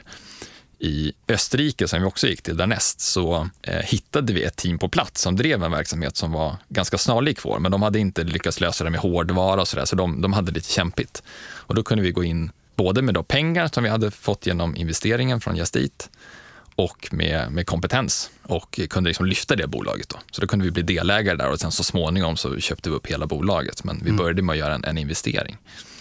Eh, och det blev samma sak i, i Finland så småningom också, där vi också lanserade. Så det var de tre länderna där vi, där vi, där vi satsade. Det var Polen, Österrike och Finland. Det är inte kanske de, eller förutom Finland, kanske inte de första man tänker att man ska börja med. så att säga. Man går inte in i Tyskland och Österrike. Det blir... Nej, det är, det är Eh, så här i efterhand så låter det ju väldigt konstigt, men det var ju så att vi lyckades hitta väldigt bra folk där. Och vi mm. hade väldigt små kontaktnät och liksom kunde inte riktigt dra i några trådar för att hitta rätt folk, utan vi, var, vi fick gå lite grann på slump och se vilka vi kunde hitta som vi verkligen trodde på. Och då lyckades vi i de här länderna. Och, de, och det lyckades i alla länder, eller? Det lyckades i alla länder. Mm. Vi blev eh, snabbt marknadsledande i alla länder. Eh, och eh, ja, vi började göra vinst i alla länder ganska tidigt också, förutom Polen tror jag, där vi fortfarande satsar mycket på marknadsföring för att det var en så stor marknad. Och när du säger marknadsföring, då, vad gjorde ni då marknadsföringsmässigt mer än att knacka dörr på restaurangerna och Eh, delade, fortsatte ni dela ut flyg, flygbladen? Flygblad, eller hur gjorde ni? ja, flygbladen blev mindre och mindre viktiga, så även rondellskyltarna. Eh, men det är ju två sidor av det. Så gentemot restaurangerna, där var det fortfarande knacka dörr. Eh, I viss mån när man hade byggt upp varumärket i en marknad så kunde man också sälja via telefon, men det var i huvudsak, liksom, man var tvungen att träffa restaurangen och visa hur det funkar. Och framförallt om man kunde visa upp den här boxen och, och, demonstrera hur den fungerar, då, då var det inte så svårt att, att övertyga dem att i alla fall testa någon månad och se vad som händer. Det svåraste var väl egentligen då gentemot konsumenterna. Eh, det finns ju olika marknadsföringskanaler i olika länder som är olika effektiva, men det vi upptäckte väldigt tidigt i Sverige var att AdWords var väldigt effektivt. Om vi kunde fånga konsumenterna när de själva letade efter ett sätt att beställa hem mat, ja, då skulle vi ha väldigt hög konverteringsgrad. Eh, så vi försökte liksom maxa på, på AdWords så mycket vi kunde. Eh, på ett, på, så länge det fortfarande var på ett effektivt sätt såklart. Och det vi upptäckte då som eh, vi inte hade förstått det var att det finns ju något som kallas long tail. Mm. alla de här små sökorden som väldigt få söker på, men totalt så blir det en ganska stor volym. Och vi trodde att man i AdWords var tvungen att liksom sitta och, och liksom skapa alla annonser och alla sökord manuellt. Men sen upptäckte vi att det fanns något som heter eh, AdWords Editor. Det fanns en, en mjukvara man kunde installera på sin dator eh, som synkade mot AdWords och laddade hem hela kampanjen. Då kunde man sitta och skriva in det där. Men det tog ju fortfarande väldigt lång tid. Men då upptäckte vi att det fanns en, en exportfunktion från det här AdWords-programmet. Så man kunde exportera en backup. Eh, och vi upptäckte då att den här backupen den var ju liksom komprimerad och krypterad på något visst sätt som vi kunde knäcka. Så vi kunde liksom gå in i backup-filen och ändra alla kampanjer. Det vill säga vi kunde autogenerera hundratusentals sökordskampanjer. Och sen kunde vi importera in den här i Google AdWords Editor igen och sen synka det mot eh, mot AdWords-kontot och säga att nu har vi lagt tillbaka en backup. Och helt plötsligt så hade vi liksom 100 000 annonser. Och nästan över en natt liksom så, så dubblade vi trafiken från, från Google AdWords. Och det, det där blev en nyckel i i princip alla marknader att komma åt den här longtail. Därför att det fanns så mycket som användarna sökte på. Det var liksom specifika restaurangnamn såklart. Det var vissa pizzor man sökte på, det kunde vara olika ingredienser, det kunde vara massa olika kombinationer av de här orden och sen olika ord för hemkörning och utkörning och hemleverans och allt vad man, vad man kallar saker. Men just att vi kunde bygga kombinationer av alla de här tänkbara orden gjorde att vi, vi fick en väldigt stor träffyta i AdWords och det mm. blev den överlägset största kanalen. Jag tror att det fortfarande är det. Men och, och eh, liksom, ni, ni la merparten av er marknadsbudget på, på Google-annonsering helt enkelt? Ja, mm. så jag vet inte exakt hur mycket, men säg att det var kanske liksom 80 procent eller någonting av hela marknadsföringsbudgeten gick bara in på AdWords. Och sen mm. är det klart att vi hade andra kanaler som också till viss, till viss grad var effektiva men inte lika effektiva som, som AdWords. Det, det, det var, måste ju ändå känns som att det fanns ett stort behov eftersom så många googlar på det helt enkelt. också. Det ja, var, uppenbarligen. Ja, vilket ju var lite turligt med, med tanke på att ni kunde nå dem på det Precis. sättet. Och, men, ja, vi hade lyckats visa tidigare att det funkar att göra offline-reklam också, men jag tror att vi hamnade lite så att när vi, när vi väl effektivt kunde göra online-reklam, som dessutom var väldigt mätbar, så då tror jag att vi klippte ganska mycket av vår offline-marknadsföring. Mm. Eh, och fokuserade på de kanaler som, där vi kunde bevisa för oss själva att det kostar x kronor att få in en, en användare via den här kanalen och vi vet ungefär hur mycket den här användaren är värd. Så vi jobbade väldigt mycket med att försöka förstå customer acquisition cost och customer lifetime value och se att i alla kanaler så skulle lifetime value vara större än acquisition cost med en viss faktor. Och, och hur, ehm, eh, hur stora blev ni då innan ni, innan ni sålde bolaget? Hur, hur mycket omsatte det eller hur stora var ni? så att säga? Um, många personer och ja, omsättning och sådär? Um, ska säga, vi, vi flyttade till Stockholm hösten 2009. Då, då var vi fyra personer. Vi tre grundare och vår första anställda. Sen på två år ganska exakt så hade vi liksom kommit igång i alla de här länderna och då var vi uppe i 100 personer tror jag i fyra länder. Så att på de två åren växte det väldigt snabbt. Får man ändå säga att det var ganska snabbt. alltså, jag tror i och för sig att det låter snabbare än vad det var därför att vi, vi var utspridda i fyra länder och hade starka lokala kontor i alla länder. Mm. Det var väldigt lite som sköttes från huvudkontoret utan vi satsade mycket på att ha starka och snabba lokala team som hade support från huvudkontoret men det styrdes inte från huvudkontoret. Så att på så sätt kan man säga att det var ungefär, säg att vi var 30 eller 35 i Stockholm. Och att gå från 4 till 35 på två år, det är inte lika extremt. Så att vi upplevde det inte som att det var så extremt, men, men i efterhand låter det ganska mycket att gå från 4 till 100 på två år. Mm. Um, så att vi var väl, ja, vi var väl ungefär 100 personer när vi sålde bolaget. Uh, vi sålde det tidigt 2012. Och um, omsättningsmässigt vet jag faktiskt inte riktigt vad vi låg på då. Säg att vi kanske hade en omsättning totalt om man räknar in våra, våra fyra länder då på kanske, kan det ha varit, kanske 80 miljoner kronor eller något sånt där. Mm. Eh, lite osäker faktiskt, vågar inte svära på det. Men med ganska bra alltså, marginal egentligen då? Ja, absolut. Ju, ja. Precis. Man kan säga att alla pengar som genererades i Sverige, Österrike och Finland där vi gjorde vinst, de pumpades in i Polen som marknadsföring. Mm. Enkelt Ehm, Så det var ganska tillväxtfokus ändå kan man säga. Ja, precis. I Polen var det väldigt mycket tillväxtfokus. Eh, Och det var det såklart i alla länder, men vi hade ändå ett överskott från de andra länderna som vi inte kunde använda på ett effektivt sätt. Och då hade vi tur då som hade Polen där vi kunde stoppa in den för att skapa större värde snabbare där. Och så valde ni att sälja sen. Ja, precis. Ja, vi gjorde och det. inte till Just Eat utan till vi deras konkurrent. inte. Ja, det blev så. Till Eh, Delivery Hero. Till Delivery, ja, exakt. Eh, vi hade väl egentligen väldigt tur kan man säga med tajmingen på marknaden. Eh, vi kände både Just Eat och Delivery Hero ganska väl vid den tiden. Och ehm, det som hände var egentligen att både Just Eat och Delivery Hero samtidigt kände att de ville befästa sin position i Europa, för de var strategiskt i alla fall nummer ett och nummer två. Och vi var väl ett av de få bolagen i Europa som faktiskt gjorde vinst som koncern och dessutom var vi marknadsledande i fyra länder. Så att vi var en ganska attraktiv uppköpskandidat för, för båda de bolagen. Så att vi fick väl liksom, helt enkelt rätt läge där två stycken tänkbara köpare var intresserade samtidigt. Och det slutade med att vi sålde till Deliverer som sagt. Och Just Eat sålde sina andelar också. Mm. Och hur, och hur, eh, Eh, hur gick era tankar då? Eh, liksom fanns, det, fanns det annan timing för er då också? Eller var, var ni rädda för att de skulle komma och krossa er på marknaden annars? Eller, var, var liksom, eller ville ni känna att det var dags att gå vidare? Eller? Nej, egentligen, egentligen inget era. Eh, Jag tror att det var så enkelt att, att vi kände nog att det här är ett väldigt, väldigt bra läge som man kanske aldrig mer får när, när två stycken seriösa aktörer är intresserade samtidigt. Men eh, jag tror att om man går tillbaka lite och funderar på liksom, hur tänkte vi när vi startade bolaget? Ja, men tanken var bara att vi skulle lära oss väldigt mycket på det här. Och sen blev det liksom, vår hobby blev ett heltidsjobb på något sätt, men det kändes fortfarande bara som att det var en hobby. Så vi tyckte det var jättekul. Vi kände inte att vi behövde lämna det där på något sätt och dessutom så hade vi fått väldigt starka marknadspositioner i alla våra fyra marknader, så att det var inte så att vi var rädda för att bli överkörda heller.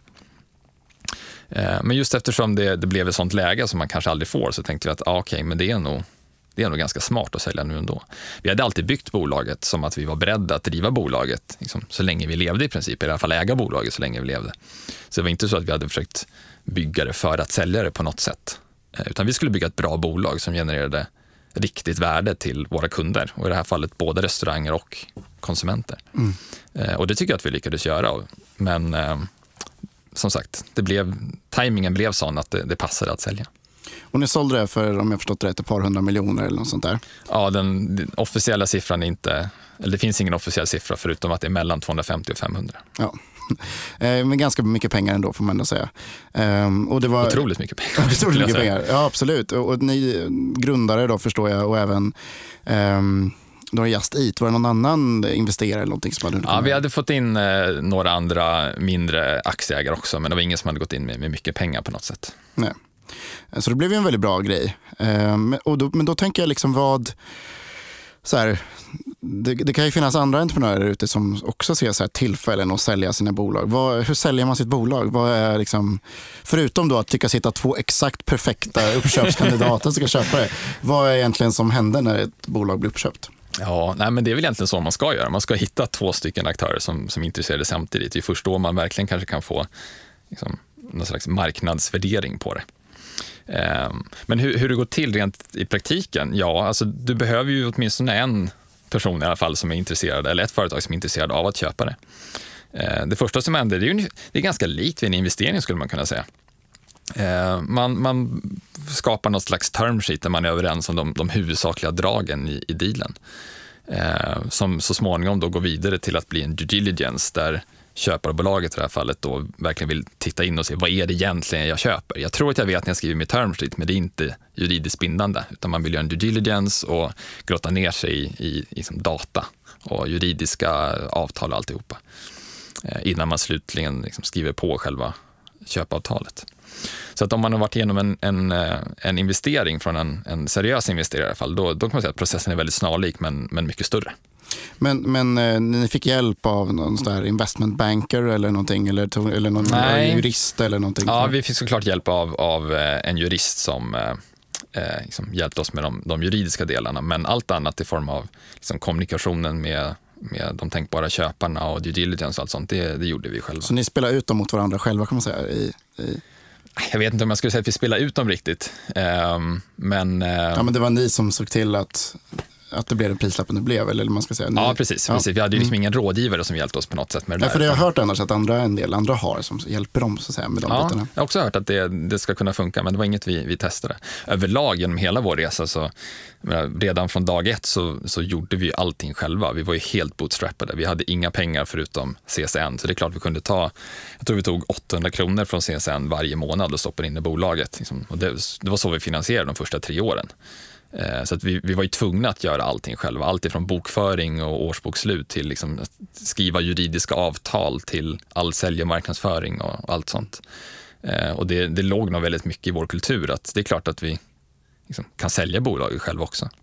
Därmed inte sagt att det nödvändigtvis är det bästa att göra, men det var liksom så vi jobbade. Nej, men det låter ändå som att ni, ni sålde vid ett bra tillfälle och att det blev ganska eh, bra för alla parter, liksom, även de som köpte och så här. Men jag tänker bara eh, på det temat ändå, finns det något så tips och tricks man ska tänka på om man, eh, ska, det behöver inte vara sälja hela bolaget, sälja sina andelar i ett bolag eller vad som helst. Finns det någonting som eh, som kan du ge tips om? Eller ska man ha sina aktier i ett holdingbolag för att slippa skatta bort en jättestor del? Eller vad, vad, vad finns det för såna grejer som du har lärt dig på vägens gång som du inte visste när du startade bolaget? På, studentrum så att säga? Ja, eh, jag tror att grundregeln är väl att liksom, tänka efter före. Eh, ta reda på hur det funkar i just din situation innan du har kommit för långt i processen. Eh, och det du nämner med till exempel att ha ett eget holdingbolag som, som äger dina aktier i, i bolaget, det är ofta väldigt fördelaktigt.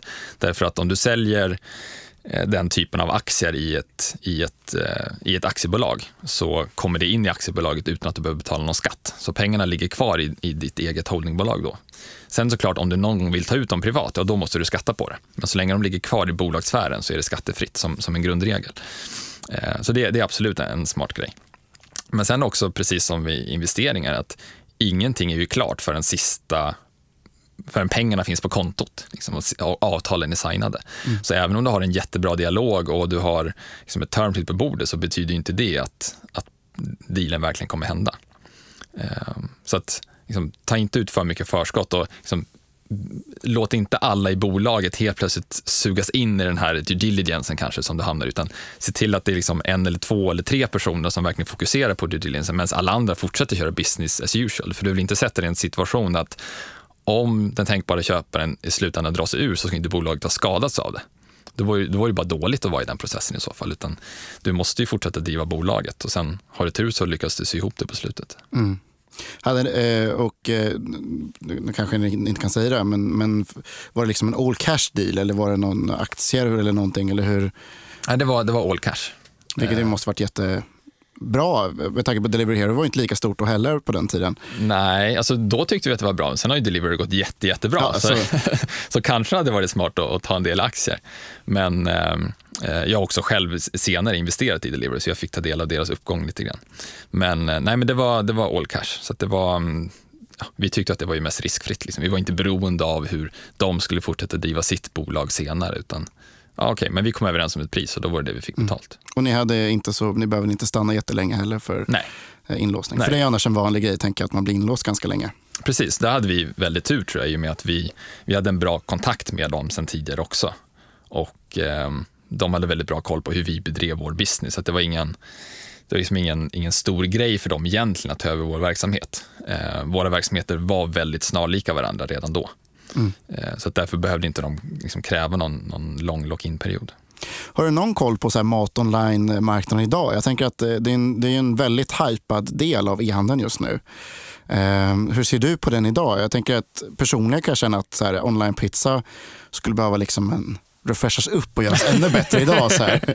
Eh, men liksom är det, det, är inte bara eh, färdiglagad utan även Mathem och Mat.se. De här, alltså, de, de här, Linas matkassar. De här. Vad, hur ser du ja. på mat eh, i handeln? Nej, men jag måste väl erkänna att liksom det som ligger utanför eh, färdiglagad restaurangmat har jag väldigt dålig koll på. Mm. Eh, jag har inte bättre insyn i det än, än många andra tror jag. Men, men definitivt håller jag med det finns otroligt mycket att göra. Jag menar hela, om man tänker sig hur alla matinköp går till i Sverige eller i världen så är det fortfarande väldigt, väldigt mycket som sker offline. Och varför ska du göra det? jag, jag har inget bra svar på varför det ska vara så, så det är klart att det måste ställas om. Och eh, färdiglagad restaurangmat i, ett spår och, och ingredienser i ett annat, matkassar i ett tredje. Eh, och jag tror att alla de spåren kan, kan överleva i någon form. Eh, och jag tror inte att de nödvändigtvis blir så starka konkurrenter mot varandra som man först kanske tänker sig. För jag tror att man kommer ha olika önskemål vid olika tidpunkter i livet. Så att konsumenterna kommer finnas där för, för alla de tre. Kul. Um, och så tänkte jag kort här också. Uh, nu pratat lite om startup dogs, nu pratat lite om online pizza, vi fått lite storyn. Um, men så det du gör idag egentligen är ju att vara affärsängel. Ja. Uh, kan du inte bara förklara vad, uh, hur det kommer sig att du ville bli affärsängel och vad det egentligen är du gör? Vad gör en affärsängel? Ja, det är en bra fråga. Nej, men, eh, det började egentligen med att när, jag hade sålt, eller när vi hade sålt online-pizza så mm, först då kunde jag ju börja fundera på vad vill jag göra med mitt liv? Vad ska jag göra när jag blir stor? Eh, när vi sålde online-pizza så var jag 28. Jag hade liksom fortfarande ganska många år framför mig att kunna jobba och göra saker. Och eh, även om det var jätte, jättekul med online-pizza fortfarande så insåg jag väl att jag kommer vilja testa att göra andra saker också. För det var det enda jag hade gjort sedan jag var 21, liksom, förutom att plugga då. Men liksom, jag hade inte testat på något annat. Så jag insåg att jag, jag ville göra något annat och min första tanke var ju såklart att ja, men jag ska starta något nytt. Det, det är det enda, jag vet, det enda jag vet hur man gör, det är att starta ett bolag och driva det. Liksom, jag kan inget annat, så då gör jag väl det. Och hade ett antal idéer som jag tyckte var, var fantastiska. Eh, var väl för många av dem som var för fantastiska i mitt huvud i alla fall. Så jag, kunde, jag hade väldigt svårt att välja vilken av de idéerna jag skulle satsa på. Och eh, tänkte att det vore jäkligt kul om man kunde göra lite av varje. Samtidigt insåg jag att det är väldigt, väldigt svårt att starta flera bolag parallellt. Det var någonting jag lärt mig, att det tar väldigt, väldigt, väldigt mycket tid eh, och fokus att, att driva ett bolag. Så att jag insåg att det kan jag ju inte göra. Men så var det någon som sa, men ska du inte investera då? Investera, tänkte jag. Va? Nej, jag är ju ingen finansperson. Jag är liksom en, en liten nörd som satt på studentrum och lödde lådor. Liksom. Det var ju det jag tyckte var kul. Men sen insåg jag att det där med att vara affärsängel, innebär inte det just att man får vara lite involverad i flera startups samtidigt? Är inte det precis det jag vill göra egentligen? Så jag tänkte att, äh, fasen, jag kan väl testa. Så det var inte större grej egentligen än att säga, ja, men vi lägger en sommar på att bygga en sajt för att beställa pizza. Så tänkte jag, så här, ja, men jag kan väl lägga en höst på att testa och liksom vara affärsängel och se vad det innebär. Så jag tänkte jag testar det, så får vi se vad det blir av det. Och än så länge fortsätter och det var ett och ett halvt år sedan jag började. Så att, kul har det varit i alla fall. Mm. Men vad gör man då som affärsängel? Jo, man lägger ganska mycket tid på att träffa entreprenörer. Och det är väl kanske det lyxigaste jobb man kan ha. Alltså man får ägna sina dagar åt att träffa människor som brinner för det de gör. Oavsett om, om jag eh, tror på deras affärsidé eller inte, så bara den personen som de personerna kan smitta mig med är ju liksom väl värd all tid jag lägger på det. Mm. Så att, att, bara få vara i den miljön och försöka hjälpa entreprenörer så mycket som möjligt, oavsett om jag investerar eller inte, det är, liksom, det, är det som driver mig någonstans. Eh, och dessutom får jag titta in i massa olika branscher och få lära mig mer om olika affärsmodeller och från personer med annan bakgrund än vad jag har. Så att återigen, den här lärandeprocessen är nog det som liksom, driver det framåt. Eh, men det man gör egentligen är att, att eh, försöka träffa, eh, träffa spännande entreprenörer och försöka hitta bolag som, som är väldigt intressanta, som man skulle vilja investera i. Och det är lättare sagt än gjort. Det är väldigt mycket som ska klaffa för att man verkligen ska, ska fastna med en investering. Och även sälja in dig själv, att du får vara med och investera. Absolut, ja. absolut. Jag måste ju kunna visa att jag kan bidra på något sätt. Och i alla bolag så kan jag nog inte bidra heller. Eh, men i de flesta så kan jag då det som, som ligger inom teknik i alla fall. Och, och eh, vilka bolag har du investerat i då hittills? Eh, jag har investerat i fem stycken som är offentliggjorda tror jag. Mm. Så det är väl ungefär en, ja, en var tredje månad kanske. Jag hade väl hoppats att jag skulle kunna ha lite högre tempo, men det, det är lite svårare än vad jag trodde att, att hitta rätt och verkligen... Du kanske är noggrann också? Kanske. så att jag har investerat i, den senaste investeringen det var ett, ett bolag i Malmö som heter Castle eh, som eh, gör eh, en, eh, ett säkerhetslager för, för webbinloggningar. Väldigt, väldigt spännande bolag. Två stycken Malmöutvecklare som har startat det som eh, är grymt duktiga på, på allt vad eh, säkerhet online heter. Och eh, kan säga att, lite förenklat att de tar fram en verktygslåda som du kan lägga till på en egen webbplattform bara genom att liksom göra en, en superenkel, smidig integration. Och då får du liksom tillgång till alla de här verktygen som annars bara banker och Google och Facebook har tillgång till. Så de bygger liksom den typen av säkerhetslösningar fast som en software as a service. Mm. Är det något annat eh, bolag som man känner till eller som du Eh, alltså de flesta bolag som har investerat är ju fortfarande väldigt, väldigt unga, mm. så det finns inget bolag som har blivit stort kan man säga, där jag har gått in som affärsängel. Sen har jag ju då, som jag nämnde, jag, jag har investerat i Delivery Hero till Just exempel. Eh, men det är ju inte som en affärsängelinvestering, men det är ju ett bolag som har fått väldigt mycket uppmärksamhet senaste året, eller kanske ännu mer senaste månaderna, för att de har tagit in väldigt mycket pengar och de, de har liksom väldigt hög värdering. Eh, men det finns inget bolag som är eh, liksom sådär i, i det allmänna medvetandet. Nej. Um, kul. Är det någonting som är, av, av investerarna annars som har varit liksom relaterat till e-handel eller, eller på det sättet? Uh, inte som jag kan offentliggöra än. Okay. Men det är en på gång ja. som jag hoppas ska, ska kunna gå vägen. Som är väldigt kopplat till e-handel. Nu får klippa om det var fel, men jag, jag trodde du hade inte gått in i Walted Payments, är inte det offentligt? Jo, det är offentligt. Jag tänkte att uh, de är ju lite, det är väl ändå handel, det är ju betalningslösning. Ja, jag vet inte om man skulle klassa det som e-handel. Eh, men absolut, det är en betalningslösning och den, den kan användas i e-handel. Även om eh, fokuset ligger mer på digitala prenumerationstjänster i första hand. Men det är coolt. Det är, det är som sagt en, en betalningslösning för prenumerationer kan man säga. Ja, absolut. Eh, vilket är väldigt coolt. Det är, klart man kan prenumerera på Linas maskasse med Walted Payments också. Ja, kanske. absolut. Det är sant. Det är sant. Även om det inte är, är huvudspåret än ja. så länge.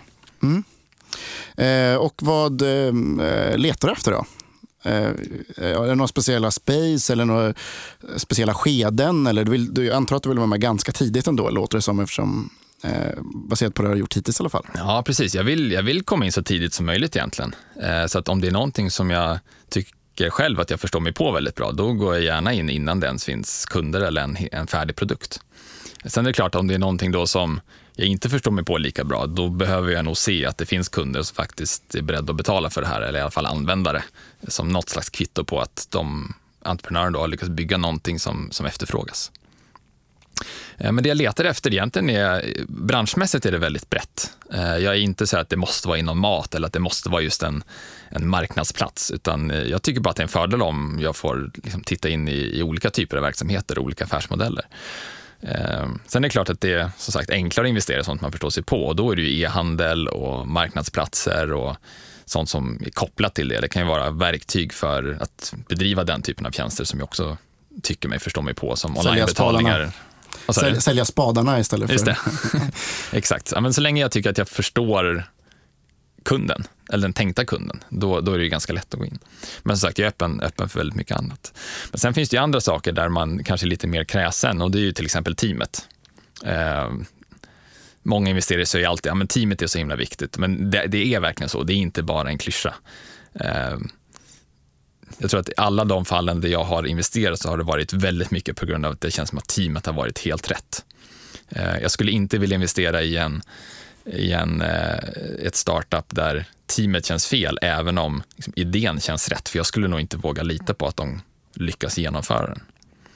Eh, sen är det klart att man vill inte investera i ett, i ett superteam om man tror att affärsidén är kass. Men det är sällan som ett superteam kommer med ett förslag på en superkass affärsidé. Mm.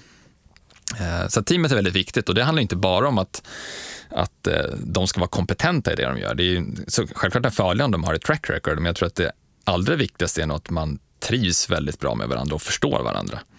Eh, jag har en tumregel för mig själv att jag ska inte investera i ett bolag om inte jag skulle vilja åka på semester med entreprenörerna.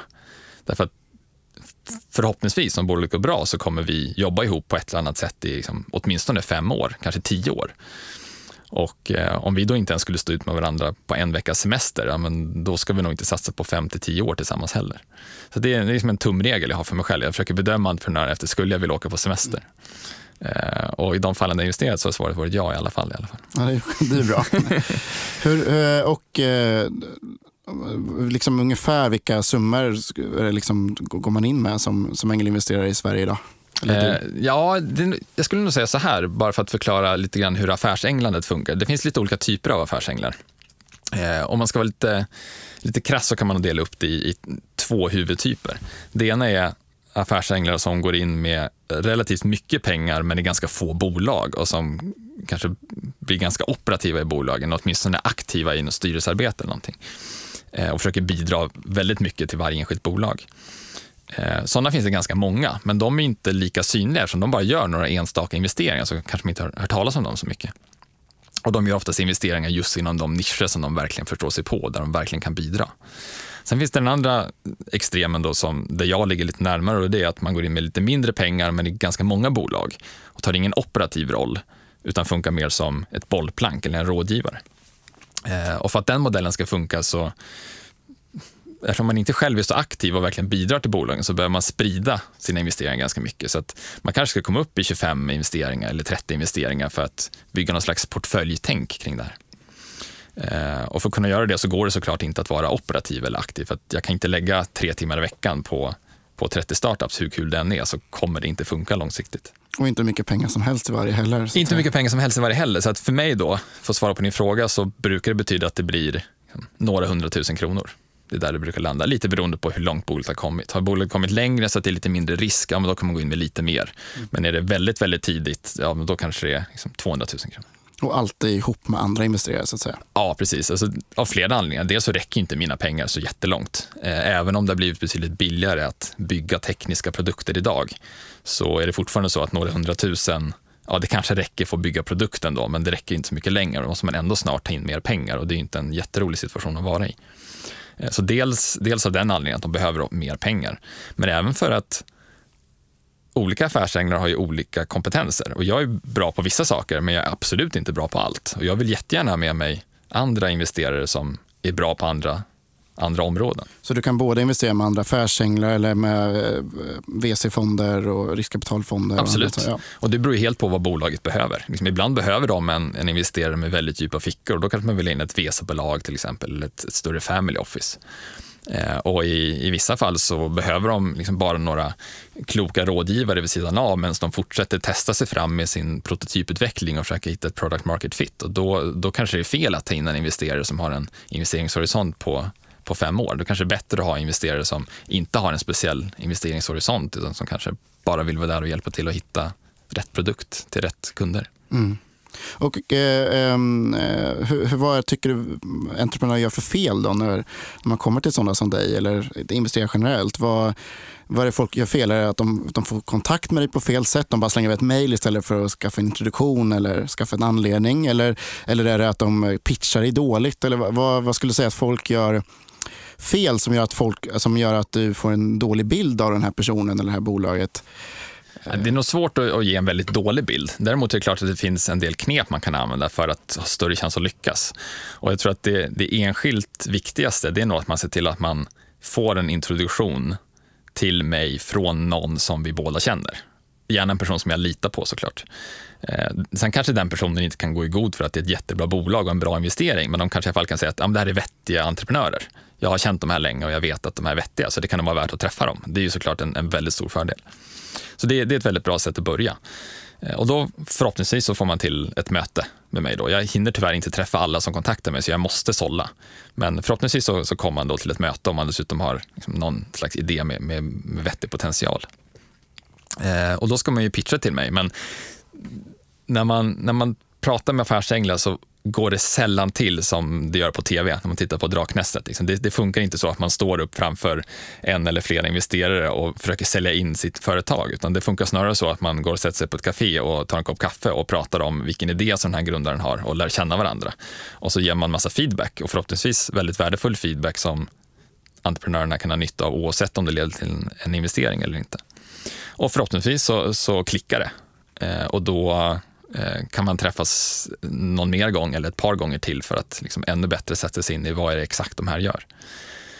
Så det här, så det här tipset, eh, be om feedback, inte pengar, är det en bra, ett bra trick mot dig då menar du? Eller? Eh, det har blivit så välkänt så det är nog tvärtom nu. Ber man om feedback så tror jag att man egentligen vill ha pengar och ber man om pengar så tror jag att man egentligen Ja, då vill man, nej, vill man också ha pengar. nej, så det, det är bättre att vara öppen och transparent istället. Ja, man vill. Jag tror det. Alltså just eftersom det är så viktigt att det, att det klickar så, så tror jag att man ska akta sig för att liksom ta till några här, hemliga knep eller något sånt där. Därför att det slår nog bara tillbaka i så fall. Så det bästa tipset egentligen är att skapa någon slags trovärdighet hos dig via antingen, antingen externa personer eller via genom att ha lärt känna dig i olika sammanhang tidigare kanske? Eh, absolut, båda de två metoderna funkar bra. Sen är det inte så att man inte har någon chans bara för att man inte fick en introduktion. Absolut inte. Eh, men eh, det, det, är lite lättare att passera nålsögat vid, vid första gallringen liksom, om man kan visa att det finns någon person som, som jag litar på som rekommenderar dig. Och avslutningsvis då, jag tänker hur, ehm, du träffar ju väldigt mycket, många entreprenörer nu och du har investerat i ett, en del av dem. Um, och du har även varit entreprenör själv. Och så här. Vad, ehm, har du några tips till entreprenörer generellt? Det kan ju både vara så här um, folk saker fel. Jag tycker det är bra att säga vad folk inte ska göra. Eh, och även folk, eh, saker folk borde göra. Har du några generella tips eller några specifika tips? Ja, men det är klart, det, det finns ju en del misstag som man ser oftare än andra. Eller man ska kalla det misstag, men saker som man kan göra bättre i alla fall. Ehm, en sån sak som jag har börjat tänka mer på sen jag blev affärsängel som jag trodde att alla gjorde, men som inser att det är väldigt få som gör, det är att ha väldigt bra koll på sina nyckeltal. Eh, och det är klart att det kan vara svårt att ha koll på nyckeltalen om man är väldigt tidigt när man knappt har några nyckeltal. Men åtminstone att ha koll på sin modell för sina nyckeltal. Att förstå vad är det egentligen som kommer göra att vi tjänar pengar på de här kunderna? Eh, hur mycket kommer det kosta att köpa de här kunderna eller att marknadsföra sig till de här kunderna? Och hur många av dem som vi marknadsför oss till kommer sen klicka sig in och signa upp? Även om man inte kan ha exakta siffror på det så ska man åtminstone sätta upp en modell där man uppskattar de här siffrorna. För då blir det väldigt mycket lättare att förstå, både för mig och för entreprenörerna, liksom, är det här en vettig affärsmodell? Skulle den här kunna funka långsiktigt? Och även av de kunderna som vi lyckas generera, hur många av dem kommer bli bli återkommande kunder. Om vi pratar e-handel, liksom, hur många kommer komma tillbaka och köpa regelbundet? Och hur mycket kommer de köpa för och vilken marginal kommer vi ha? Hur mycket egentligen det man beräknar ut är hur mycket en kund värd över mm. en livstid. Eller säg tre år eller fem år från det att kunden blev en kund första gången. Mm. Eh, och det tycker jag att det, det är för få som eh, som har tänkt till kring det där. Man har en idé om att ja, ja, men får vi in kunder så kommer de bli värdefulla, men man vet inte hur mycket. Man vet inte om de är värda 30 kronor, eller 100 kronor eller 500 kronor. Och det gör väldigt, väldigt stor skillnad från ett investeringsperspektiv. Då kan jag ge ett tips till dig. Eh, senaste veckan så har jag letat efter budgetmallar och nyckeltalsmallar och grejer. kanske ska lägga upp det på Startup Docs. Ja, det är bra. olika mallar för det, för det, det, finns verkligen ett behov av det kan jag säga. Ja, jag, jag har tänkt tanken själv faktiskt. Um, sen är det samtidigt så här att ja, jag kan lägga upp en mall, men det kommer inte hjälpa om inte entreprenörerna verkligen förstår hur mallen fungerar. Nej. Så att det, dokumentet är ju en del av det och det kan jag säkert hjälpa till och underlätta med. Men i grunden handlar det om att man måste sätta sig in och förstå hur funkar min affärsmodell? Vad är det som, som driver användare eller kunder till mig och vad är det som gör att jag tjänar pengar på dem? Mm. Så det är väl ett av de eh, tipsen jag kan ge då, just att, att ha bättre koll på sina nyckeltal eller sin affärsmodell egentligen. Ja, gör ett business case helt enkelt när ni räknar också på det så att säga. Ja, precis. Gör ett business case som fokuserar väldigt mycket på alltså just det här med customer acquisition cost, vad det kostar att köpa vad kunderna. Får man, vad kan man ja. köpa in kunder för, för att ja, det faktiskt ska gå ihop sig? Precis. Och just det här customer lifetime value. De två tillsammans brukar man kalla för unit economics. Mm. Uh, och sen kan ett business case kan vara så väldigt mycket. Det kan vara liksom en, en hel budget eller en hel affärsplan nästan. Men det jag är ute efter är just de här unit economics, att förstå kostnaden för en kund och värdet i en kund. För det är det som i slutändan bygger upp hela ditt business case och hela din budget och hela din framtid för bolaget. Så förstår man inte den extremt viktiga byggstenen så spelar det ingen roll hur du gör dina andra uppskattningar för allting kommer ändå bli fel. Mm. Har du något annat så här snabbt tips eh, till entreprenörer förutom att hålla koll på siffrorna? Det är, det är lite klichéartat att bara tipsa om det tänker jag. Vi måste komma på något annat här som vi inte hört förut. Eh, oj, något unikt. Det behöver inte vara unikt, men, men något som inte bara är håll koll på dina, dina siffror. Ja, fast jag måste ändå säga att jag tycker det är, jag hör från väldigt få andra investerare att man tycker att att entreprenörer har för dålig koll på sina unit economics. Det pratas väldigt mycket om att man ska liksom göra en realistisk budget och förstå hur länge ska mina pengar räcka. Men det, jag har bara hört någon enstaka investerare prata om unit economics som jag tycker är Men den har fått hänger för lite i handelsvärlden tror jag. Här Kanske. pratas det bara, bara om sånt. ja, det är bra. Det är bra. Eh, vad kan jag mer tipsa om? Um, jag, kan, jag har bara massa saker som jag tror att, att många säger. Men säg, säg någon sån då. Ja, men en sak som jag, eh, som jag tycker att jag ser väldigt ofta är att man är, man är, man är överoptimistisk. Eh, man måste vara naiv, ja, därför att annars skulle man aldrig förmodligen starta sitt bolag om man insåg alla problem som skulle dyka upp. Men när man ska ta in pengar så ska man inte komma med en, en extrem glädjekalkyl och säga att om vi bara får in pengar så kommer vi om sex månader ha liksom 100 000 användare eller vad det nu kan vara. Det, det, ser jag väldigt ofta och det är nog för att man vill sälja in sitt case. Man vill att det ska framstå som att ha extremt hög potential. Men det enda det visar är att entreprenörerna kanske inte har så hög potential. Nej. Eller också att det är eh, man tror att pengar ska lösa alla problem också. Kan jag tänka mig att det, det finns en, jag tycker det finns en sån utbredd eh, eh tanke om att ja, bara man får in pengar så löser det sig saker. Men det är ju inte riktigt så ett entreprenörskap funka. Jag menar, man, man, bolaget, man ska kunna få bolaget att funka även utan kanske i ganska många fall externt kapital. Det ska vara en boost i många fall. Det är helt sant, det hänger säkert ihop tror jag. Eh, man har liksom en övertro på det där med, med kapitalet. Dels att det är viktigt för bolaget, men även liksom vilken effekt det faktiskt får. Eh, jag kan komma med massa fler tips, men det är en sak som jag lärde mig själv under min, min resa är att det är otroligt svårt att anställa människor. Att anställa rätt människor är svårt. Att hitta rätt människor. Eh, och om det inte funkar de första månaderna så kommer det aldrig börja funka heller. Det är så här, jag tyckte att det var fruktansvärt jobbigt varje gång jag var tvungen att tala om för någon att den personen inte kunde jobba kvar, oavsett om det var under en provanställning eller senare. Men varje gång som jag faktiskt tog emot till mig och gjorde det så kändes det som att ja, det här var nog ändå det bästa för båda parter. Och jag borde ha gjort det här tidigare. Varför gick jag så länge och grämde mig för att ta det här samtalet när det egentligen bara blev bättre? Och oftast så om, om det inte funkar från bolagets perspektiv så har förmodligen redan den anställda känt av det. Mm.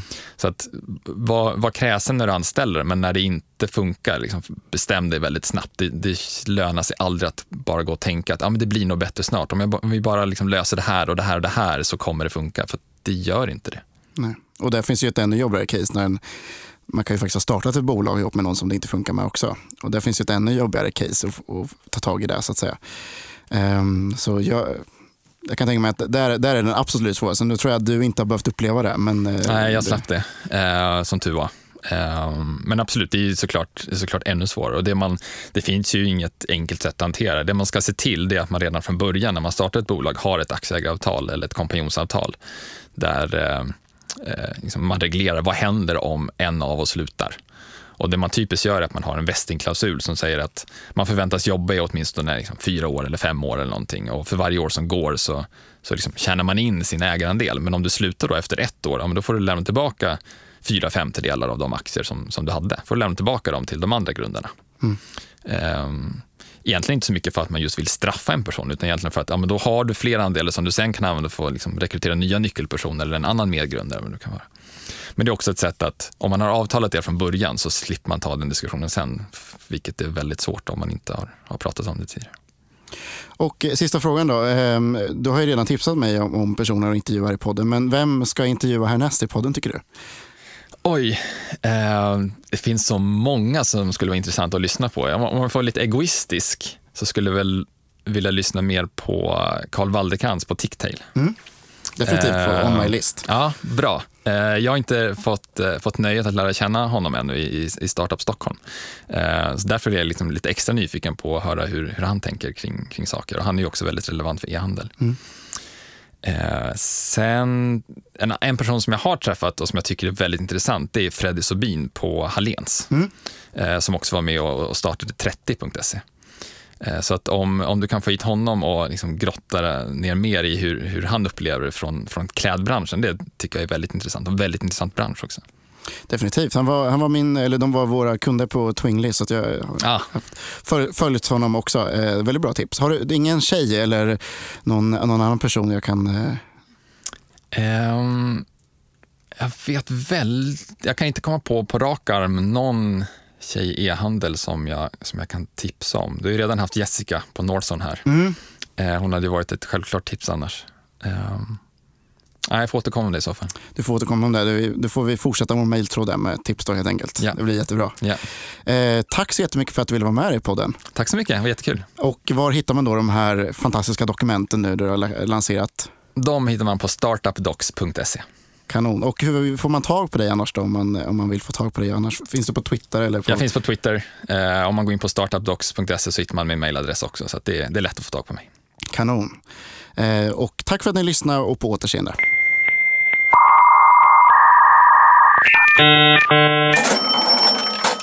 Tack för att ni lyssnar på e-handelspodden och glöm inte bort att ni gärna får dela våra, våra avsnitt så gärna mycket som ni vill. Och eh, följ oss gärna på Twitter, Facebook och följ mig såklart eh, som heter Agaton.